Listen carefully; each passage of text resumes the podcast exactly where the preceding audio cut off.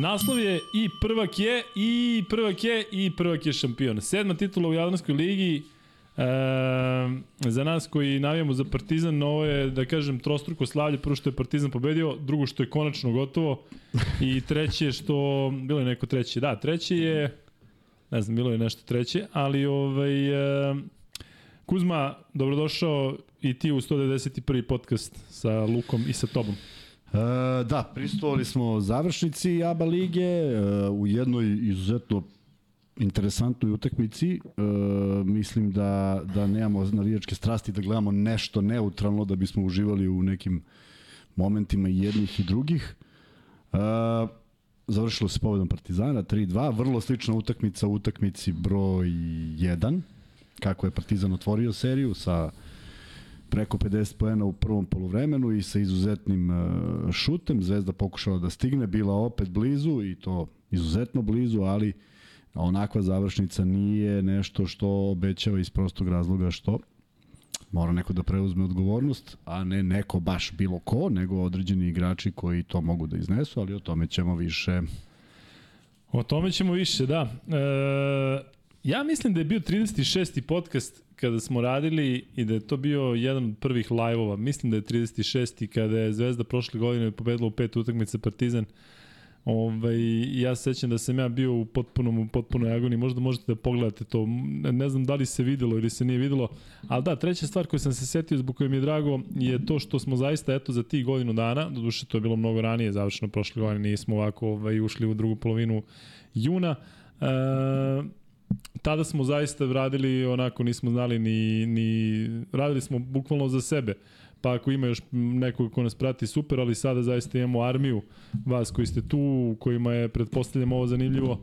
I zato vam hvala puno što ste uz nas zaista neuporedivo gde smo bili pre godinu dana i gde smo sada, tako da eto, svi zajedno smo izgurili jednu ozbiljnu, ozbiljnu sezonu. Kuzma, dok se još ljudi ne okupe, E, kako ocenjuješ celu ovu sezonu? Dakle, ne samo ABA lige, nego svega. Hvala Limi na, na donaciji. Pa vidi ovako, po ovoj trećoj, petoj utakmici, ovoj seriji utakmice, onome što su pružili igrači, ako, izuzmem, ako izvučem samo košarku, mislim da smo imali razloga da uživamo u svemu što smo gledali.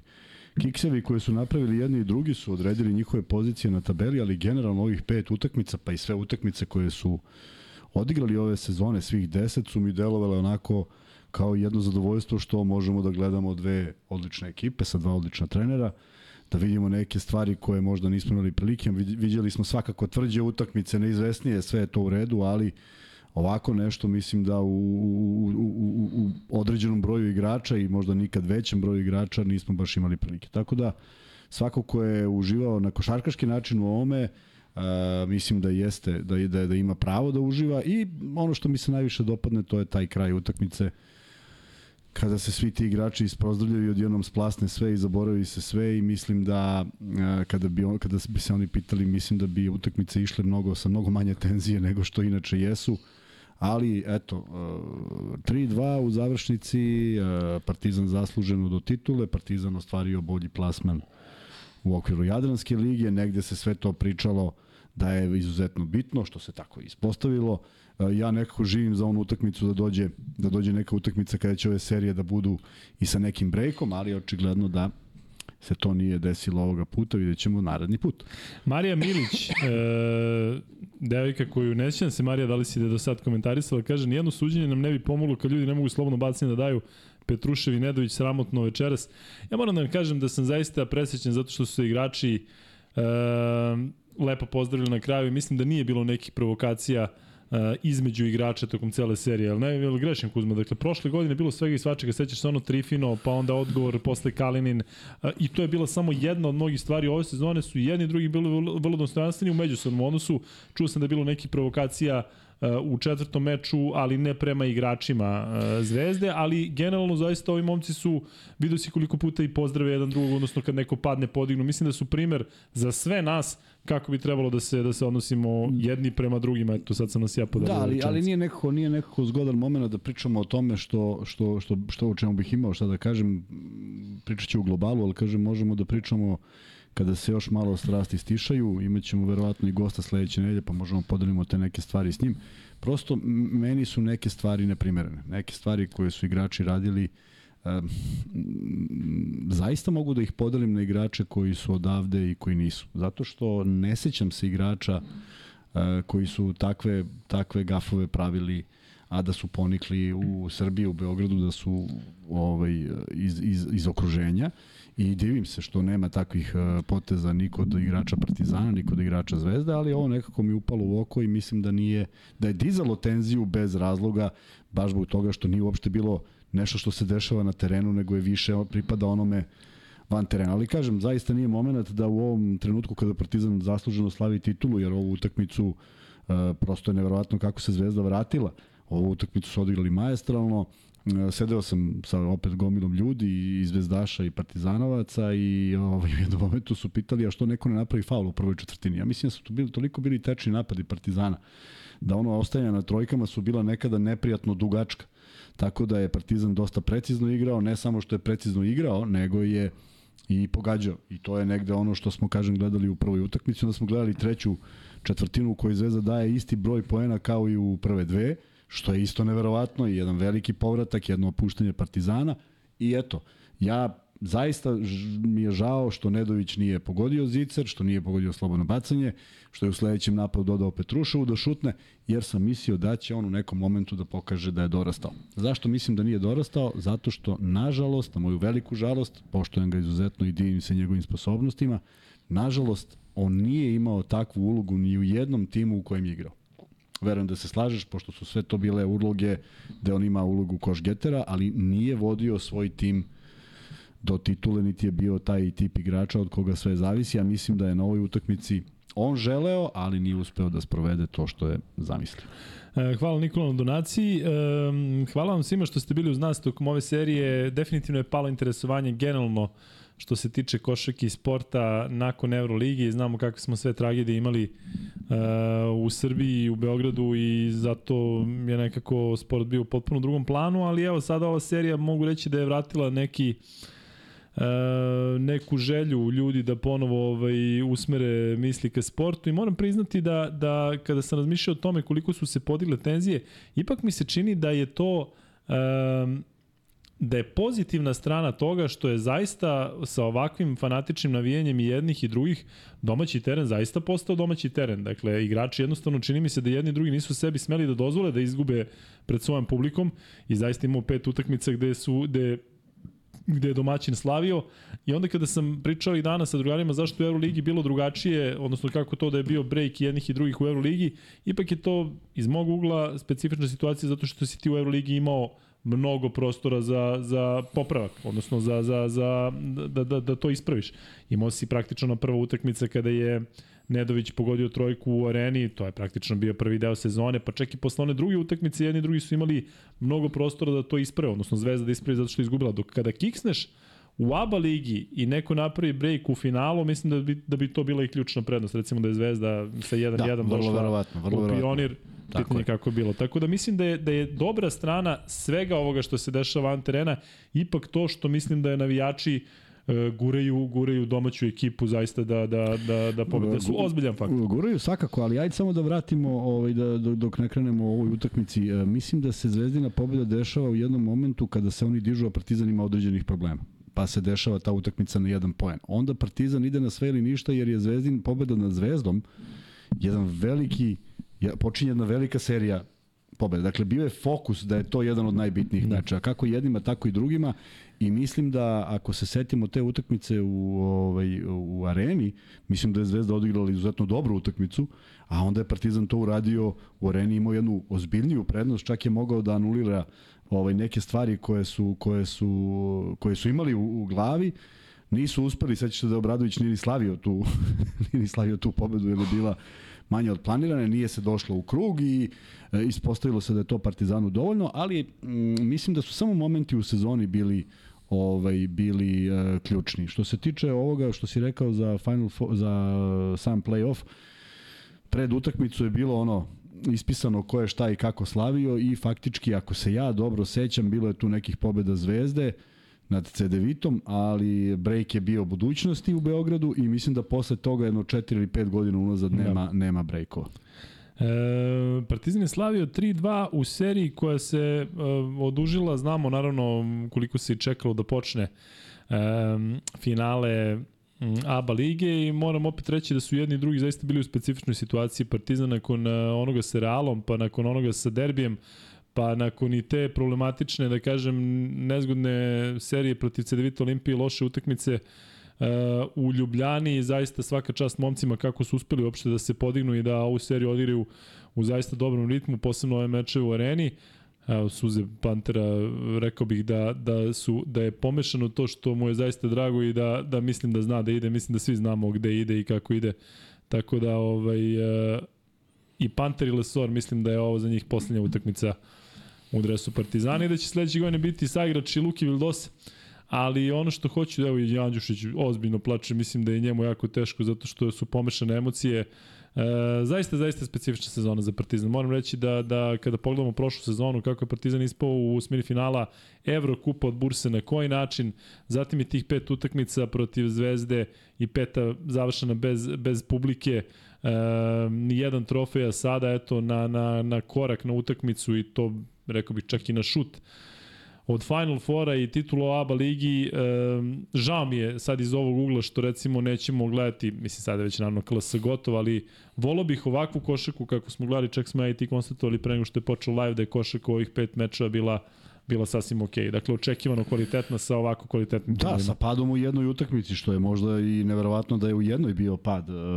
Partizan može zaista da se pohvali da je kada se sve sabere odigrao kvalitetnije iz prostog razloga što ima te dve četvrtine strahovite. E, nije briljirao u obe te utakmice u nastavku, ali dovoljno, dovoljno veliku razliku je napravio. Međutim, e, Zvezda se vratila jednom upornošću, jednom željom na te dve utakmice koje je Zvezda dobila ni malo, ajde da kažem, lepe za oko koliko su e, bile važne. Mislim da je Zvezda tu pružila i bolju, bolju partiju. Nije, nisu pobedili slučajno, nego jednostavno uradili neke stvari koje su se dogovorili i zaista sam očekivao da tako počnu u utakmicu. E, izostalo je to nešto i veliki broj poena, kažem, iz jako dobro izrađenih akcija, ali i suviše je bilo uh, mnogo poena u prvom polovremenu da ti sad možda kažeš e, aj sad kao malo da se aj sad kao malo da se ozbiljimo nije da. ne ide to ne ide to tako iako treća četvrtina potpuno drugačija i uh, negde e, ljudi, ljudi jako teško shvataju uh, nebrojeno puta u karijeri svih nas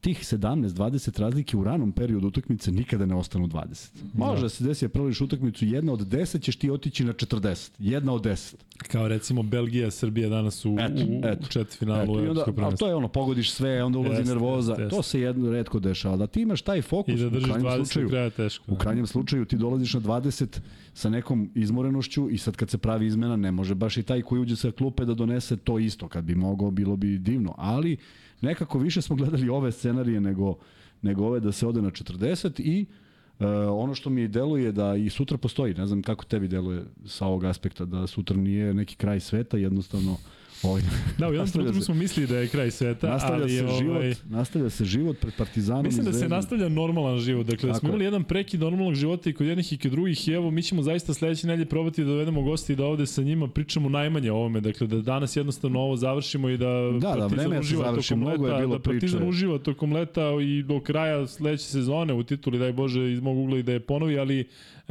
zaista je bilo, e, moram reći, na momente i i zaista teško i mučno i, i kažem, e, za nas koji najemo za Partizan, dobro, sad govorim iz ugla nekoga ko, ko je ovde u podcastu, ali kažem, trostruki uspeh Partizan u svojoj ABA ligu, E, možemo svi da se posvetimo ovom čoveku Jokiću i reprezentaciji da uživamo u tome da se vratimo neke normalne tokove. I kažem kad se setim gde smo mi bili pre godinu dana kao podcast Luka i Kuzma kada smo tek krenuli u live još smo bili bebe u ovoj priči. To je bilo samo praktično nekoliko meseci nakon što smo počeli da radimo.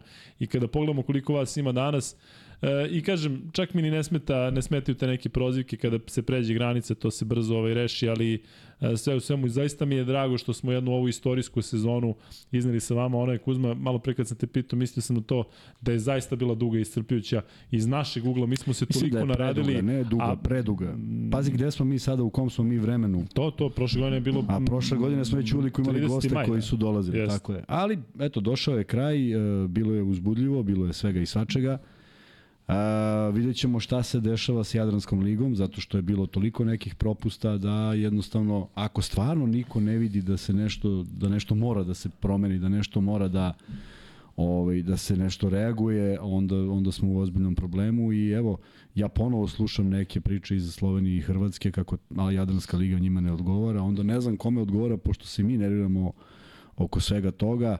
E, nezvanično saopštenje Evrolige danas baš pred utakmicu je da obe ekipe igraju, ali to će kao biti potvrđeno 29. Da, Ajde, potvrdite, vidite u Bestelja. Ne znaš da li zezaju ili stvarno nemaju Pa nikakav im s ovim, da li, da, li, da li se sprdaju ili su fazonom ma ne Ma mislim da da im se može, naše. ne, pa da, mislim da im se može. Da, da uopšte znaju da je ovde Ma ono ja. da se igra, razumeš? Da li ih, da li zanima ih? E, nekako, nekako stvarno ovaj, imam, imam tu bojazan da mogu da nas izbrišu i da postoje ekipe koje, da su ruske ekipe tu, zaista mislim da je bilo veoma nategnuto. Da su ruske ekipe tu, mislim da bi bilo ozbiljno nategnuto da uh, Zvezda i Partizan budu zajedno u Euroligi.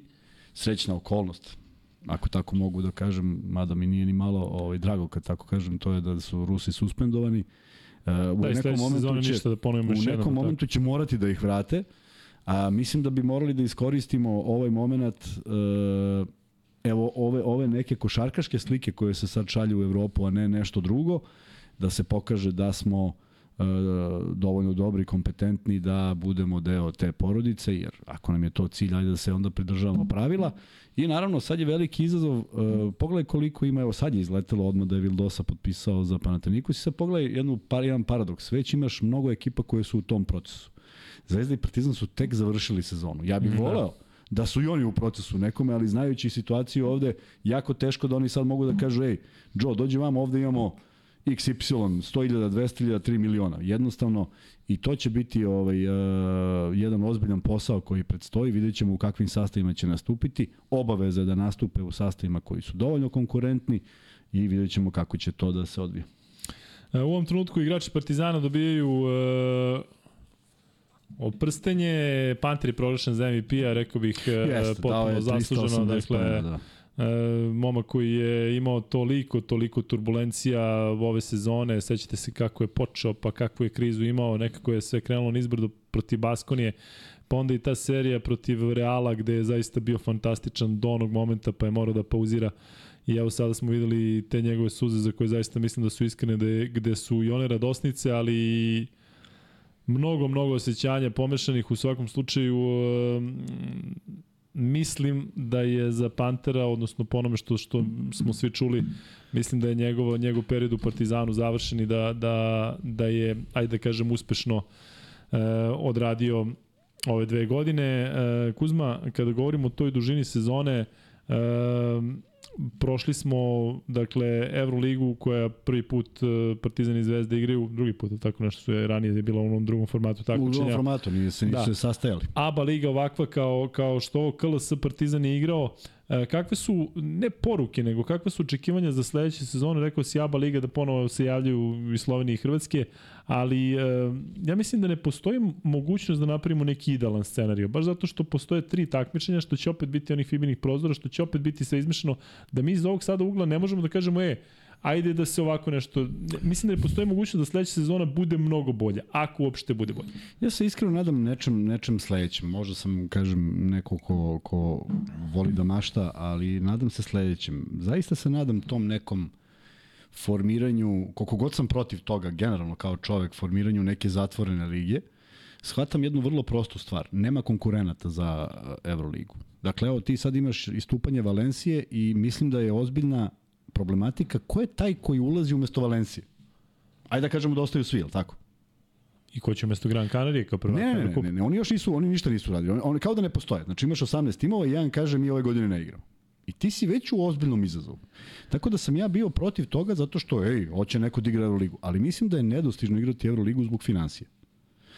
I sada, Kako je moguće to Kuzma da ti ti veliki gradovi sa velikim sponzorima ne mogu da ulože ću ti- ipak pare koje su male. Gledaj, Ja razumem da to neće da se vrati. Znam, ali gledaj sad ovo. Pri, uh, ko je izabran za najbolje mlade igrače? Madar, tu je negde Smajlegić, je li tako, u toj celoj priči. Jeste. Koji, vi- I sad, vrlo lako može da se desi da, ajde, ne Smajlegić ode, ali Madar vrlo lako može da ode. Vrlo lako može da ode Micić.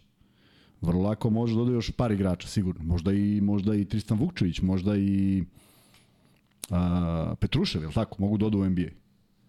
Gde dolaze novi igrači? Sad zamisli ti treba da kupiš igrača koji je dostojan da igra Euroligu, malo ih je na tržištu, jer viš da se u određenim ekipama vrte isti, i sad ti treba nekom da ponudiš nenormalno veliki novac, zašta? Ali evo, govorim ti u Ulmu, na primjer. Ulm je osvojio Evrokup, tako? E, nije Ulm osvojio... Neki drugi Nemac. Mm, Ne bre, Gran Canaria je osvojila. Bre, Gran Ulm je Canaria. osvojio Nemačku ligu. Nemačku ligu, da. Bon je osvojio ligu šampiona. Bo, Bo ligu šampiona, Ulm Nemačku ligu na Permutovs. Protiv Bon. Tako je. I sad šta? Jel stvarno misliš da su oni spremni da, da, da, da, da to sve? Pa kako da nađe 12 dobrih? Nemaju oni tim za Euroligu. Oni nemaju ni dva. Misliš da ne mogu da podale 6-6, šest najboljih, od Gde da toga dva mlade, dva mlada. I da igraju jednu godinu. Da. Da uđu i kaže, ajmo zidamo 20 miliona u Nemačkoj. To je 40 miliona u Nemačkoj. 20 miliona neto je u Nemačkoj 40. Koliko je kod nas 20 miliona? 20 miliona kod nas je oko 15 miliona i 5 se snađemo. e, a hoću ti kažem, e, kad to posmatramo, mislim da će se Euroliga sama od sebe zatvoriti. Što ne valja. A kako, koje je rešenje? Sad evo FIBA i Euroliga se skupe i To je, to je rešenje. To je rešenje jer imaš ograničen broj platiša. I mislim da ovo što hoće da urade sa FIBom, da je najidealniji, da je to 20 ili kako su oni zamislili 24 koje ne vidim, ali ajde idemo na 20 i da ih menja jedan taj osvajač uh, tog nekog drugog takmičenja koje bi bilo. U tom kontekstu bih se strašno radovao da Zvezda i Partizan naprave te neke trogodišnje, jednogodišnje, ne može jednogodišnje, jednogodišnje je isto, trogodišnje licence. I to je jedini, jedina šansa da Zvezda i Partizan mogu da onda naprave nekakav raspored i kažu šta vidimo šta ćemo sad igramo. Šta sad vredi igrati? Jer ako te ne kvalifikuje nikakva liga, pa da igraju onda srpsku. Mislim, bar će narod da gleda Partizan i Zvezdu po raznoraznim opštinama. Da li me razumeš? Jasno. Zaista se gubi uh, uh, šta misliš da će imati manje manje kvalitetnu manje kvalitetan trening? Ej, čoveč, imaju 34 utakmice Evroligi. Mi smo imali 22. 22. 22. Ne, 20. 12 nas je bilo, 22. Oni imaju 34 izuzetne utakmice. Da ti u nekom domaćem takmičenju možeš... s- Baš me zanima kakve će reakcije biti i šta, ko, će, ko će koji argument dati, pošto kažem, Slovenci i Hrvati imaju neki razlog, naročito Hrvati koji ne postoje već godinama, u, u, u suštini od kada je Cibona nije imala novca da igra Euroligu, oni nisu nisu došli u poziciju da igraju da igraju Euroligu. Kaže Luča, Luka daj bre neki osmeh i ovde pišu, kaže Luka emotivno isprežen, stvarno ovaj, e, i mi smo se naradili zaista i prošli mnogo emocija i u jednom trenutku ovde, ali smijem da im otkrim šta se desilo kada je bio neki, Zvezda se vraćala i ovaj e, i i bio neki loš potez pa, igrača Partizana pa sam Madar je krenuo promašio, a Lesor je napravio faul. I onda sam krenuo ovde da se bacakam i onda je Kuzma ustao i zagrlio mi i rekao biće se u redu. Možete misliti kako je bilo, ali sad kažem, moram priznati da, da sam se iznenadio i uplašio na onih 20 razliki za Partizan kada sam video da se Zvezda vraća, nekako me to asociralo na Real, nije bilo lako. Nije bilo lako zaista sve ovo proći e, posla onoga sa Realom, da eventualno sad se Zvezda u petoj utakmici vrati, zato što su do e, do tog momenta zaista serija sa Realom i Zvezdom za Partizan bila identična. Vodiš 2-0, 2-2, u treći vodiš 20 razlike i ekipa krene da se vraća, međutim zaista svaka čast momcima koji su to uspeli da iznesu. E, rasti na 1. E, ima jako dobar komentar od mnogo vaših komentara, pročitat ću samo neki, ali on kaže grobar sam, ali ponašanje Mitrovića, Lazarevića, Dobrića, Markovića za svaku pohvalu učite od njih, titula, E, zaista e, bilo je i sa jedne i sa druge strane momaka od kojih možemo svi da učimo. Dakle, i to su uglavnom, uglavnom domaći igrači. E, I to je ono što mi se dopada. Dakle, ja, ti si rekao svoje mišljenje o nekim potezima stranaca. E, ja u neku ruku ne mogu da kažem da razumem, ali oni dođu i odu. Ovaj, ali više mi smeta kada neki domaći igrač napravi neki problem. Da, ali vidio ovi kako je to bilo, vidio kako je to bilo prošle godine. Trifa se zaleti bez veze, pa se onda Kalinić još bez vezije, pošto mora da ima veće iskustvo i on sebi to ne sme da dozvoli, ali to je stvarno bio, bio onaj, onaj, i onda su obojice rekli, ja izvinjamo se, ne znam šta nam je bilo i tako dalje. Ali imam jedan utisak koji zaista hoću da ovaj, podelim sa vama i možda jedan od redkih za koji ću ja reći da je obojen, evo, apsolutno se divim igračima Zvezde, naročito u prvom polovremenu, na nereagovanju na sudijske odluke. Znači, nema veze da li je bio faul ili nije bio faul, na nereagovanju. Kampaco kad je napravio faul u napadu, ako iko dokaže na 1250 ponovljenih snimaka da je ono bio faul u napadu, ja priznajem da stvarno ništa o košarci ne znam, što nema veze sa rezultatom, dakle da se razumemo, ne pričam sad o rezultatu Partizana, nego pričam samo o jednom nešto što se meni dopada, a to je to što sam ja radio ceo život, da kakav god odluka sudije bude, samo nastaviš da igraš. I oni su probali da igraju. I odigrali su šta su odigrali. Partizan je bio bolji i tu je kraj. Ali ja mislim da tako mora da izgleda utakmica, jer tako ćemo manje da gledamo sudije. Ako ću ja svaki put na sudijsku odluku da uradim Pa ti ćeš misliti da ja nisam napravio ni jedan faul, da me kradu. Da. I sad zamisli nas pet na terenu, svi ovako. Pomisliš 20 faulova ljudi svirali, pokradoše ove. E, zato se divim, zato što su ostali pribrani, igrali su, čutali, uh, ozbiljno loše odigrali prvo polovreme, ozbiljno dobro odigrali treću četvrtinu, ali ne može to da se okrene, pogotovo protiv ekipe koja je i dalje igrala dovoljno precizno i održala tu razliku. Dobro, bar je najavio Kuzma da je obojen ovaj komentar, ovaj jedan kroz jedan. Ja, ja bih zaista voleo, zaista bih voleo da igrači Partizana reaguju isto tako. I da uopšte nema gestikulacija, jer ti i ja nećemo gledati više sudije. Zamisli ako on ne reaguje, ja mislim da je faul. Se slažeš? Ma može sto ponovljenih snima kada mi pokaže, ali ja nemam problem jer ti si svojom reakcijom meni pokazao da je faul bio. Otrčao si nazad. Da, ali bilo je Kuzma reakcija. Nije u prvom problemu i Kampac ono što pokazuje Lesoru pa. i Duško Ivanović koji skače i Mitrović koji si je video ono ponovni snimak, ja čak neću pričam o tom ne, za Lesoru. Ne, jeste, ne, ne, kažem, samo, ali, ali samo nije, je ne, bilo. Nije reakcija, on pokazuje šta se desilo. Dakle, govorim reakcija, e, reakcija ova, ja, o, ogromna je razlika kako reaguješ. Ovaj pokazuje da je ovaj čovjek pao, što se na snimku vidi. Ne verujem da je Kampac uspio da ga pomeri iz ležišta, to jest iz težišta. Ali sve to, kažem, nema veze. Ja, moj utisak je da su reagovali kako jedna ekipa treba da reaguje, da bi se smanjile tenzije, da mi ne gledamo više sudije i šta su sudije. E, u ovakvim, moje mišljenje da u ovakvim mečima kada su zaista na elektrisane atmosfere da te reakcije mogu da izazovu i dodatno upravo, sa tribina mogu da upravo, da izazovu što pa mislim to. da i tu se gleda onako ne mogu kažem da se kalkuliše ali jednostavno znaju da od toga ne mogu ništa dobro da izvuku.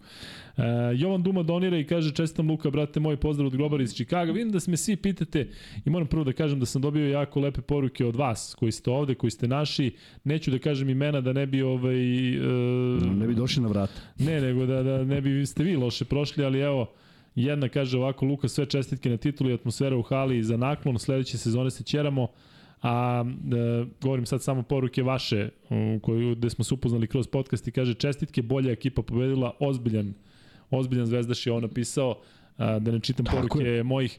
Dakle, to je zaista fantastično. Naježio sam se i ono, ono imam otisak da ću postati previše emotivan, ali zaista mi mnogo znači e, što, što e, sam dobio mnogo poruka za Partizanov, sada evo, prebacili su se na konferenciju za novinare, E, dobio sam mnogo e, poruka i kada je Partizan prošao u, u top 8, e, moram zaista da kažem da ipak ima normalnih ljudi i sreća pa je ovde, pa smo se mi zaista zbližili sa nekim od vas i zaista svaka čast vama koji ste se nosili gde znam da ste kidate koliko, koliko ovaj, volite svoj klub, ali kada treba čestitati, onda zaista čestitate i nadam se da će tako biti i sada.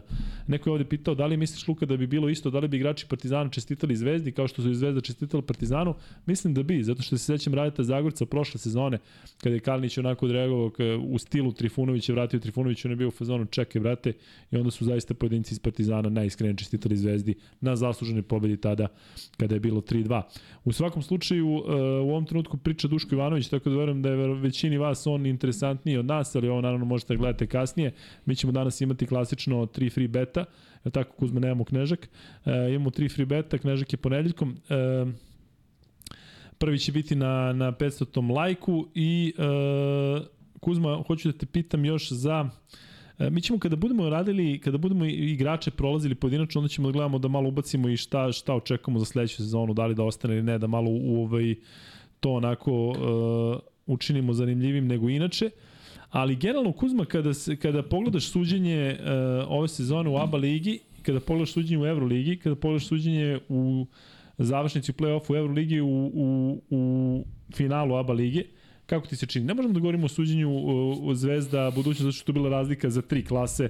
Ne možemo da govorimo mm -hmm. o suđenju čak ni e, Partizan CDVita Olimpije, zašto je Partizan eh, onu treću utakmicu dobio eh, kako je dobio, dakle, relativno lako, tako da tu nije bilo nečega ovo. Ovde, da li možemo da kažemo da je na neku od utakmica uticalo suđenje? Zato što na, na pobednika ne, na pobednika, pa, na pobednika ne, ali da, ali da možeš, da možeš nekako, pa vidi, ovo je prvi put da ispao neko s pet penala.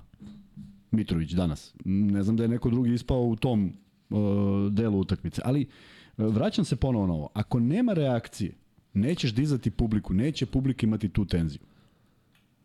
Uh, igrao sam jednu utakmicu u kupu Jugoslavije, jedan trener je od prvog minuta, svaki naš faul, apsolutno svaki, koji je dosuđen njegovim igračima, prokomentarisao.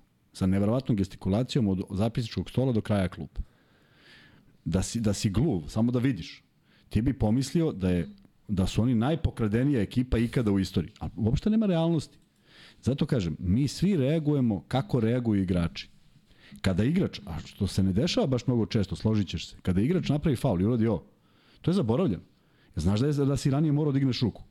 Svaka čast Stefanu Markoviću, misli kako miš morao, u smislu... Da, da, u, tada, on te, sudija kad te pogleda, ti kad dobijaš faul u naše vreme, mora da igraš ruku. On te pogleda i kaže ovako ti pokaže i ti uradiš ovo. Da. Razumeš? Uh, mislim da se tenzija stvara jer niko nije napravio faul. I... Stefan Marković danas kada je folirao Egzuma imao onu prvu uh, varijantu kao šta i onda je podigao ruku i to radi celu karijeru. Tako. Zaista taj momak treba da pa bude primjer. Kažem, to mo mora, mora tako da bi tenzija, da bi onaj što gleda tamo sa visine, ne mora gleda usporeni snimak, nego može da zaključi da nema potrebe da, da, da, da, da, se, da sudija bude u prvom planu. Ti igrači su manjini, Štimac, Marković, yes. koji kada i zna da je, da je sudija pogrešio, on će da kaže, ok, idemo dalje, što ti kažeš, ima to poruku Tako je, to dublju. je ta poruka, znači da, da. može da se desi tri greške ovamo ili onamo, nema problema, ali ne sto grešaka jer ispada da jedan samo vuče na ovu stranu. Tako da, Just. to, to je jedno gospodsko ponašanje koje je košarka imala, I ja bih volao da ga vidim ponovo, zato što su bili ekstremi ti koji su ovaj, e, u to vreme baš reagovali tako, a obično autoritet sudija ne želim, ne želim uopšte da, da, da poredim, ali imali smo plejadu sudija sa kojima apsolutno zajebancije nije bilo. Znači on te pogleda, ti kao nešto kreneš da trčiš, a samo ovako, pap, Znaš, nema, nema baš mnogo... To ima ovaj... veze sa godinama i iskustvom, zato što ima, meni se čini da su ima. to sudije koje su ima. ipak prošle i veliku državu i ovu i jednostavno ima. imaš respekt ima, Imali smo ozbiljne sudije, uh, ja sećam se ovaj, Crni Dimitrijević, koji je sad delegat na određenim utakmicama i često se nalazi u kadru, Sedi onaj on je izbacio, nije, nije, crni, crni još uvek. Baš je on je tamo oputa i još ima, još uvek, da, sedi, jeste, sad je sedi, tako. Jeste. Ovaj, ne presedi, ne onaj sedi, sedi, nego... Da, da I ovaj, on je, na primjer, izbacio Zokija Radovića bez problema sa utakmice. Zokija Radovića koji u tom trenutku, kako bi ti rekao, reprezentativac zemlje. Ma, prosto nije bilo ljuca. Ljuca nije brenovo nikoga. Mislim, prosto... Tako da bilo je tu sudija Bubalo, Tihomir Bubalo, pokojni sudija Jest. Jovančić, Jovčić, mladi, Belošević, mladi. Uh, Belošević ima autoritet od prvog dana. Bar sam ja to tako doživljavao. Tako da Mislim da ovaj, da ima malo zbog Ćaleta, zašto je Ćale ipak u tim krugima bio neće, nećeš verovati, e, to, to, je, to je moja najbolja komunikacija s jednim sudijom. Zaista, mislim prosto dune nešto što, što ništa nije. I ja ga pogledam i pokažem meni, on kaže da, ja ovako dignem ruku i kažem, ali, znaš, pokažem nije bio. I prođem pored njega i kažem, ali ja verujem da je kroz četiri čoveka, jer bilo je dvojica sudija, jasne. on stvarno vidi nešto drugo. I nikad nisam uzimao za zlo kad ti on čovjek ne, ne, ne, ne oduvate, nego kaže, stvarno nije bio, kaže, stvarno vratiti nešto u sledećem nekom tamo napadu Viš, da i namigrati. Da, da budemo onako baš uh, narodski, da kažemo, ne kurči se. Ne zato što upravo je sudija, to, pa da ono sad to. misli da je ono. Da. Upravo to. A nekako mi sad deluje da su oni u centru pažnje sami po sebi. I gledali smo utakmice koje smo gledali više njih u kadru što gledaju snimak nego da, što da. gledali Euroligu. Tako da, malo tu kad bi se neke stvari korigovale, ali zaista polazi od igrača. Jer ako ću napraviti četiri faula, pa daj makar dva da jesam napravio. Nemoj da baš nisam ni jedan napravio. Eto, to je neka moja poruka, zato mi je bilo drago što nije bilo, što to nije dolivalo ulje na vatru u jednoj izuzetno korektnoj utakmici. Da, da. Što se tiče svih ostalih delova segmenata igre, zaslužena pobeda, preciznost neviđena, neviđena zvezdina četvrtina, ta treća, ali uh, milion puta sam ovde rekao, ne postoji tako nešto, sad ću da igram, a malo pre nisam hteo, nego jednostavno ovaj, moraš da igraš celu utakmicu u mnogo većoj energiji. Partizan imao motiv, Partizan imao svoje navijače, Partizan je otvorio utakmicu identično kao prvu, prosto 9 od 15 su bile trojke. To je nešto što te ubije. Što je najgore, poveruješ da u nastavku neće, pa su i u nastavku padale kad je trebalo. A opet Zvezdine loše odluke u, u napadu su proizvele da ta razlika nije došla na, na onih tri, je li tako? Da, da, kad je Nedović, Nedović imao bacanje za tri, da. tako je. E, dobijamo donaciju iz Norveške od Outdoormana koji kaže naravno čestitke Partizanu i Grobarima, mene je smorila ta negativnost i prije serije, nisam ni gledao iskreno, neke je završilo da ozdravimo svi. e, zaista mislim da smo svi prolazili sve i svašta kroz ovu sezonu. Mislim da nije lako navijačima Zvezde zato što satisfakcija, nije stigla satisfakcija mm, odbranom titulu ABA ligi nakon ipak e, sezone u Euroligi gde mislim da su svi očekivali više, posebno u onom trenutku kada je Duško Ivanović došao i kada je ušao u seriju, koliko beše, sedam pobjeda, mislim da je sedam pobjeda bilo za redom. Da. Ovaj, tako da tada su se onako apsolutno pojavile, pojavila neka realna očekivanja da bi Zvezda mogla ovaj, da, da ovu sezonu uh, učini istorijskom. Uh, ja, zaista je specifična situacija, Zvezda je toliko dugo bila dominantna u ABA ligi, možemo da pričamo ovaj, šta se sve dešavalo i šta je sve prošlo, ali uh, mislim da je ovo zaista jedna jedinstvena situacija gde mislim da svi navijači Zvezde, većina barem, želi da Duško Ivanović ostane trener, a pritom nije, nije ove sezone uh, napravljen uspeh u smislu e, ABA Liga nije osvojena, osvojen je kup, nije bilo to po 8 Euroligi, ali Kuzma i mi smo ovde dosta puta pominjali to, čovjek koji upravo završio svoje izlaganje na konferenciji za novinare je jednostavno, e, ja mislim, osnovna zvezda u godinama koje dolaze i garant ja se iskreno nadam, kao, da. Ja se da. iskreno nadam. Zaista se nadam, bez obzira što možemo da pričamo o tome ko šta gde kako, da li su bili neki minuti, da li je bilo nešto, evo ja, ja prosto Ja da sam na njegovom mestu bio danas na prvom polovremenu, nikad više Martina i Bentila ne bi vratio na teren. I oni donesuše to neki preokret, je tako? Da. Ovaj Bentil dade 8 poena za redom. Martin skide neku loptu. Tebi winat, winat pa, tebi. Ne, hoću ti kažem, z, z, z, jedan od razloga zašto ne mogu se baviti time, što bi ja to sekao. Igra biš četiri igrača da. na kraju. Ali hoću kažem, Ivanović je, Ivanović je uverio da je u mnogim utakmicama davao one, šansu igračima koji su uspeli da je vrate. I evo sad ova dva igrača, u suštini kad nemaš Mitrovića na terenu, kad ti Kuzmić nije u rotaciji, pa sad realno koji da igra. Ali da odigraju toliko neko perfektno u tom nekom momentu, ti već odmah čet, sledeći napad vidiš da ne da je, nije perfektno, da. nego se promaši nešto što ne sme da se promaši, tako da analizirat ćemo ovaj, sve što se dešavalo vezano za same igrače, ali pričao si o Ivanoviću, mislim da je uradio odličan posao, ja mislim da on sa jednim timom koji on izabere, makar može do 16-11 koji je imao sa timom koji nije izabrao, e, koliko god taj tim bio dobar, pogledajte smene trenera šta su, šta, šta su prouzrokovale, ne ide to tek tako da ti samo naslediš, jer običaj, običaj koji ljudi imaju da kažu je e, ovo bi ja vodio, važi. To onda, Jeste, da, to je baš tako. Ove, ovaj, e, nekad imaš strašnu ekipu, pobrkaš mesta i onda se niko ne snađe, neko, nekad imaš nekoga koji je malo moraš malo da mu, da mu, da mu podiđeš, da ga malo veličaš, imaš nekoga kojeg moraš da ohrabriš i tako dalje. Sve to treba znati, biti malo u svemu tome i od toga se pravi atmosfera od koje u krajnjem slučaju i posao trenera zavisi. Vuk Manojlović donira i kaže e, pa suđenje je tako jer smo otrali najbolje sudije. Hvala vam za sve podcaste ove sezone. Vidimo se u sledećoj. Uče, nemoj nigde da ideš. Mi sada, mi sada ulazimo u jedan jako lep miran period. Ja moram priznati kada je Stefan Pena ovde došao, dugo nismo imali gosta. I onda mi je zaista prijelo da pričamo o tome kako se bleji po Mirjevu i šta je bilo na U16. E, nekako smo se vratili na ono što smo prošlog leta imali, tako bih, non stop. Tako je. Da, da kažem, te neke potpuno opuštene priče. Pričamo o aktualnostima, kakva je njegova bila ova sezona, kakvi su planovi, sve što, što, što ide ovaj, u skladu sa tim, međutim, kažem, onako, baš jedna Bleja ispred Samiške. Dakle, pričaš sa nekim i brzo, brzo ti prođe vreme. Ovde smo sve u nekim ciframa, pa neka drama, pa ne znam šta, tako da će nam prijati. I kažem, budite uz nas sledeće nedelje, trebalo da bude jako zanimljivih podcasta, dakle još jednom da ponovim da radimo do kraja. Za razliku od ovih. Da, da, ovo, za ovo, ne do bog nikomu. ko, ko gleda taj lud. Jeste, da kažem da je, da je takođe donirao i Ivan Ivanović i kaže čestitam Lukice, ne daj se Kuzmo, hollywoodski zavodniče. Uuu. Da, sto, da, Kuzu, pa ja još uvek čekam dobar scenarij da. posle mog e, nastupa u Žigosani u reketu. Znaš što sam zvao 12 Žigosanih u reketu mesecima je. I? Pa nema 12 je. I ništa. Da. Nego da kažem da Ivan Peć šalje jednu fenomenalnu ovaj, poruku i kaže da je Exum saznao da će biti otac. Sad kad je osvojio titul, došla mu devojka, donala onaj ultra zvuk i eto jedna lepa vest. Fantastično. I nadamo se da će se poroditi ovde. To, to je jedino ako se sutra porodi, ali ovaj naravno. Sledeće sezone. A, misliš da će ostati? Ja, dobro, lepo, pa, lepo. Na to mislim, dakle, eto. Kažu, Stefan Marković više neće nositi dres Crvene zvezde, penzionisao se, kažu, kažu naši gledalci, Dobrić u Virtusu, kažu Vildosa u Panatanikosu. Sve ćemo da komentarišemo sad jednog po jednog kada ih dočekamo, imamo ovo, ali možemo da stavimo ovaj pol koji smo mi počeli da vidimo i ovde old school.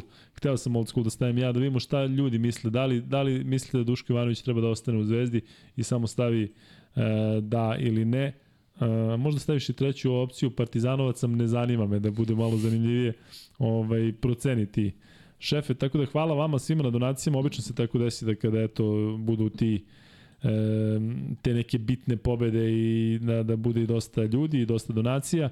Um, ono što sam takođe hteo da vam kažem to je da e, eto malo da kuzmo odmor i sad ću ja malo da pričam i o Partizanu i o svemu.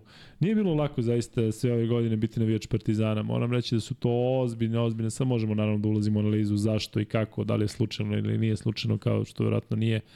Ove, ali nije bilo lako biti navijač Partizana. Tu je, ako se setite, e, kakvih je tu drama sve bilo. E, Miće Berić nam je ovde pričao šta je on prolazio kao, kao sportski direktor Partizana, koliko nije bilo para da je neki igrače, da ga je bilo sramota, recimo da Andjušić uopšte ponudi nešto ovaj, da ga je bilo sramota da razgovara sa igračima u ugovoru, pa smo onda čuli predsednika Partizana Ostoju Milovića koji govori o tome kako je on od kad je preuzeo tim šta se sve dešavalo pa onda je onaj period sa Trinkijerijem, pa sećate se svih tih nekih muka, dakle Zvezda je sve to iskoristila za jednu ozbiljnu dominaciju, pa je onda bilo jedino što je bilo interesantno u poslednjih ne znam koliko godina u, u ABA ligi, i ipak ona serija protiv budućnosti gde je budućnost u smislu da, da nisi znao da će 100% neko dobije. Sve ostalo je čini mi se bilo... Ne, budućnost je onu jednu dobila, potpuno, tako je, potpuno i sve ostalo, da, da, li pamtimo, da li pamtimo još od onog Final Fora u Beogradu, u CDVita, Cibona i Partizan i Zvezda, ali pamtimo neku dramu? Ne pamtimo, dakle Zvezda je... Pa drama je bila, drama je uslovno rečeno 2-0, Zvezda je vodila 70 razlike u dve utakmice. A, da. I onda je došlo na 2-2, što je potpuno neverovatno. Ali, ali e, i tu se, i tu se, e, to je, to je onaj prvi moment kada se pravi još gora atmosfera nego što stvarno jeste. Dakle, prve dve utakmice, osim što su demolirani, a meni su vrlo dragi, to dobro znaš i uopšte nemam ovaj, neki otklon prema budućnosti, mislim da je tu Repeša napravio najveći gaf o Linču, o Linču, o Linču, o svemu. Ja mislim da je on dugo odstao s ovih područja i da prosto nije navikao na deo folklora i mislim da je ono što se desilo u Podgorici bilo uh, meni je bilo neverovatno, ne zato što smatram da su neki bolji, a drugi loši, nego da se neko zaleti na Milenka Topića, potpuno jasno da nije čovjek koji uopšte gledao budućnost i da uopšte znao o kom čoveku se radi, jer to jednostavno nije dopustivo. Ali prošlo je, e, volao bih da se još neko umeša u ovu trku, E, znamo probleme koje ima budućnost, znamo probleme koje ima CD Vita, to su četiri tima koja su već godinama u tom nekom krugu. Mislim da će se pojaviti neka ekipica koja će to da onako malo razdrma kao što je uradio studentski centar pa doveo Partizan zaista ozbiljan problem. U, da, Na stranu ona... što je problem Partizana bio poraz od Reala i nema veze sa studentskim centrom, ali vrlo lako je moglo da, da se izmakne kontroli. E, volao bi da se pojavi tako neka ekipa i volim kad pročitam da već neke igrače zadržavaju, popunjavaju i Gokea, studentski centar, FMP i tako dalje, da vidimo kako će to biti jer nekako želim da gledam uh, ovaj, još kvalitetniju košarku i želim, navijam za te male da naprave neku pobedu. Prema tome, bit će dalje interesantno, ali da vidimo koji format će uopšte biti i, i šta će zaista biti sa Jadranskom ligom. Evo, samo jedan primer, prošli put sam rekao da sam pročitao da su da je disciplinski komesar kaznio Zvezdu. Ja sam prvi put čuo to ime. Još ga nisam čuo. I nisam ga ni zapamtio, ali sam ga prvi put čuo definitivno. E, za sada u polu, da li treba da ostane Duško Ivanović? Očekivano da, 70%, skoro 70%, ne, 11% i Grobar sam baš me briga 22%, lepo što si ubacio i tu treću opciju. E, ono što takođe hoću da kažem da vraćam se na ovo Partizanu i koliko je, mislim da je svim grobarima ovo posebno, e, zato što znate šta se dešava sa futbolom. Uh, moj kum kod koga gledam većinu mečeva koji živi u starom, mom starom kraju gde sam se rodio, to su ti soliteri između Zvezdinog i Partizanovog stadiona, njegov prozor baš gleda, odnosno francuski balkon gleda na Partizanov stadion i tu smo odgledali na desetine, da ne kažem stotine utakmica. E, I tamo je skinu, nema više terena. Dakle, tamo izgleda oranje neko krenulo, da li će da se sadi nešto, ali u skladu sa igrama Partizana i sa onim kako se klub trenutno na, nalazi. I ovo je zaista, zato kažem, posebna pobeda za Partizan, zato što znate šta se dešava sa futbolom, znate koliko je tu dug post e, i šta se sve dešavalo u poslednjih 10 godina, kažem, nije bilo lako.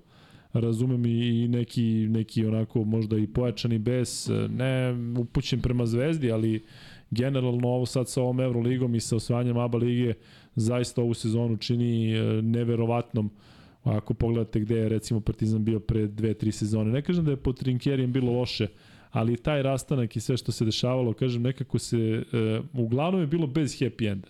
I kad se pojavi neki tračak nade, međutim čini mi se da, da, da evo sada su se neke kockice složilo da zaista svi partizanovi navijači mogu da budu ponosni. E, ono što takođe hoću da kažem, vratit ću se kratko na ovu seriju, e, moram priznati da mi je žao, ne, sada potpuno ne govorim kao partizanovac, ali Ako pogledate kako je završeno svih pet utakmica, nismo imali ni jednu zanimljivu završnicu. Dakle, Partizan je prvu dobio plus 8, drugu plus 9. Zvezda je treću, par, treću utakmicu dobila plus 13, četvrtu plus 12. I Partizan je sad dobio plus 11, dakle nije bilo ono na jednu, jednu loptu, jedan šut da neko uzme. Nije mislim da bi to dalo... Bilo, dalo bi, da, ali bi bilo i mrtvih, verovatno. Nema ovaj, bi mrtvih, mislim, zato što sigurno bi neko, neko, neko bi cepno. Ovako nekako se potrebno... Ne, ne, ne, mislim, ne zbog posle, nego mislim da bi neko ne bi izdržao prosto taj... taj Rikavela, da, da, da, na to mislim. Da. Ne, ne, da bi bilo nešto ja da bi bilo mrtvih, zašto bi sigurno bilo i neki sudijskih odluka, zato što tu onda možda kažeš, eto nije sviran faul, a ovaj bi dao. Vrlo moguće. Bili su koraci, nisu bili koraci. Ostali znači, bi neko vreme, ostali bi neko vreme u Beogradu. Da, tako da ovaj eto ni jedna utakmica nije završena uz, sa dva poseda razlike. Ali vidi šta se desilo. U prvoj se desilo da je Zvezda došla na pet. U drugoj se desilo, da, u drugoj se desilo da je bila da je bila do tre, do polovine treće četvrti, četvrte četvrtine u egalu kad je Partizan otišao na 8. Treća utakmica Zvezda se odvojila, Zvezda se odvojila pr, tako je. E, četvrta utakmica, završnica utakmice dobra Zvezdina četvrta četvrtina. Tako da ima tu svoje draži i jedni i drugi su kontrolisali igru. Izvini, tu mislim da je domaći teren dao, dao da kažem, nekako čini mi se da je, da je domaći teren bio uh, presudno zato što, evo, baš iz ugla Partizana, Partizan je svaku utakmicu počeo sa nevjerovatnom energijom. Evo sad gledamo ovo posljednju plus 20, pa normalno da imaš padove, ali mislim da su vratili, da im su im navijači, da su ih podigli za posljednju četvrtinu. Isto važi i za Zvezdu. Vidu si kakva je to energija bila kada je Kampaco dao onu trojku, dakle, kada, kada Vildosa nešto uradi, to moguće, gori moguće, sve. Ne moguće, nego evidentno jeste, tako da, ajde da kažemo da, da, da je to tako. Međutim, ja, dok si pričao o Partizanu, ja nešto iz ugla uh, ovaj, prekinuta je dominacija Zvezde uh, uz taj uh, to osvajanje budućnosti i evo kako bi ja sad gledao na to. Ajde, imamo, ajde vidimo gde smo napravili greške. A bile su neke greške, tako? I to su baš bile ozbiljne. Ajde da ih ne ponovimo. Ajde imamo šta treba da ne ponovimo, da bi bili bolji od Partizana. Znači u tom segmentu da bi bili bolji od Partizana, da bi sad napadnemo ovaj, e, prvo mesto ima mnogo teorija gde kažu mnogo je lakše osvojiti nego odbraniti što ima svoju težinu, zato što si ti kada si broj 1, svi žele da te pobede, svi, da. čak i onaj najgori želi, jer ne, nije mu isto da li igra protiv četvrtog ili protiv prvog. Tako da Zvezda mora da, da se suoči sa nekim e, stvarima koje nisu bile dobre u, u ovoj sezoni, da se to ne ponovi, e, da se ne ponovi već u startu, zašto pričamo o Ivanoviću, zato što je to osnova svega, da je prvi tu, kako se zove? Meni je potpuno sve jedno.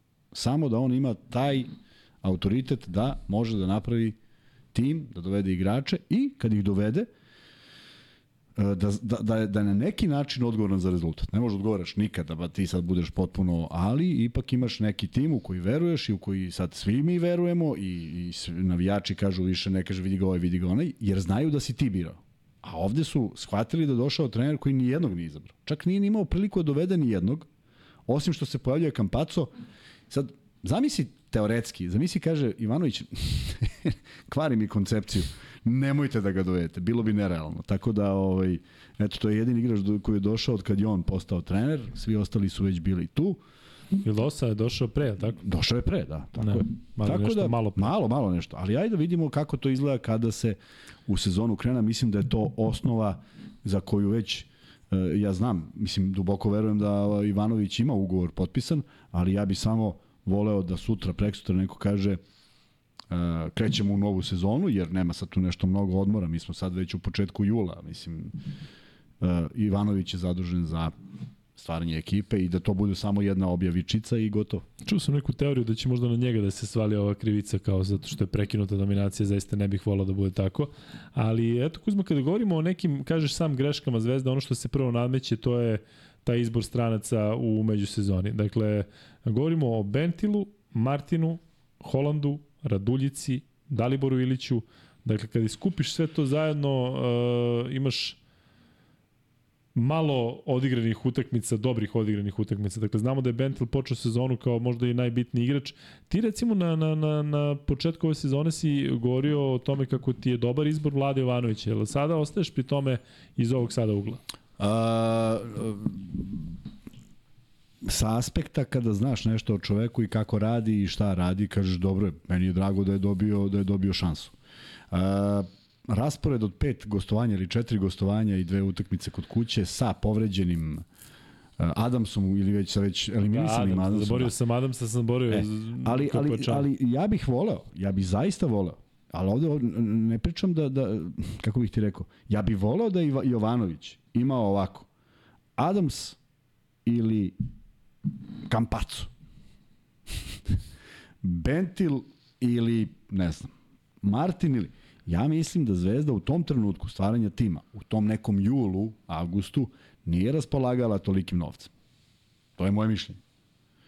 E, kada biraš igrače koji mogu, izabrali su igrače koji imaju iskustva u Euroligi. Nijedan od njih nije vodeći igrač svoje ekipe. Seti se kada je Zvezda dovela Skorcanitisa i htela da on bude prvi centar. Čovek ne može fizički da bude prvi centar.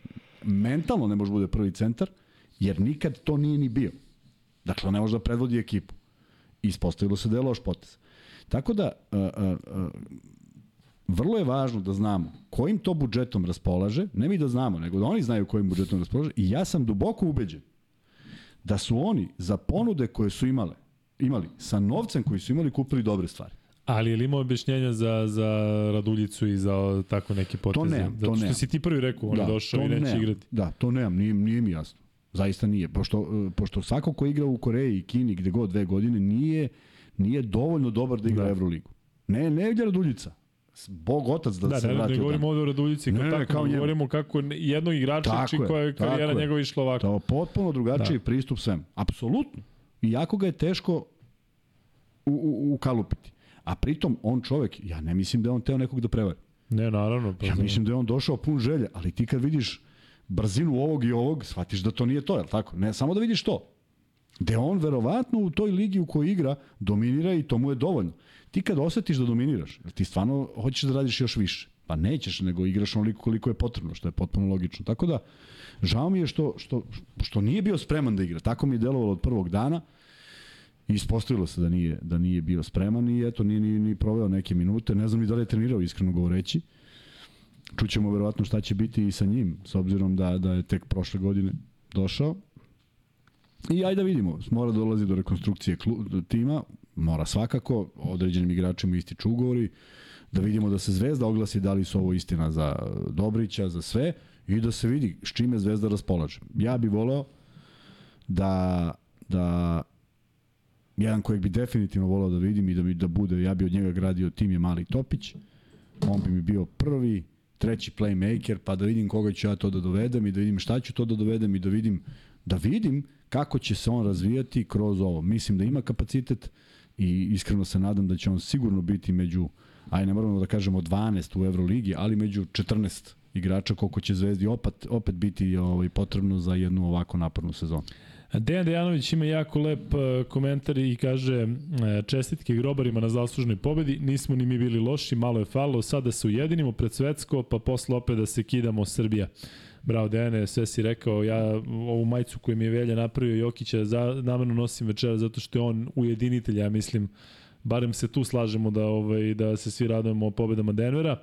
E, Kuzme pomenuo Topića, to je ono što me zaista raduje, moram reći da imam neku posebnu vrstu Uh, uzbuđenja pred godine koje dolaze zato što je Topić na jednoj strani, a Drezgi sa druge, sa druge strane. Biće mi zanimljivo da pratim e, kako se razvijaju njih dvojica, apsolutno nema garancija ni za jednog ni za drugog. Mislim da je Topić u boljoj poziciji zato što je već osetio onako Osetio malo ozbiljnije. je seniorsku košarku u Tako je. pravom smislu. Jeste, ne samo seniorsku košarku, nego on čovjek počeo prošle godine, ja mislim, počeo je ove godine protiv Panathinaikosa u petorci, tako kod Vlade Pa, Ivanovića. kažem, pravu seniorsku, znači šibanje sa Jest. matorim igračima, Da, nije mislim da više juniorska priča. i to, mislio Ne, sam ne, da, ne, da, mislim da, na to da, je, da je ušao u seniorsku priču koju je samo nastavio, dobro eksploatisao, uh, u KLS-u biti uh, i delovati toliko dominantno na pojedinim utakmicama sa, sa 19 godina, kažem, nije nešto što smo često viđali ovde, pa sad baš imamo, pritom ne dominantan, ono kao visok, pa leti preko Jeste, svih, nego- treba da se probije do koša. Tako da, svakako bi njega voleo da gledam i da vidimo Uh, da li će se nastaviti trend za koji bih takođe volao da se nastavi, da Zvezda i Partizan već imaju neke ideje neke ideje ko su ti povratnici. Nije se možda isplatilo cela ideja sa Andjušićem. Nije ni sa Nedovićem, ako mene pitaš.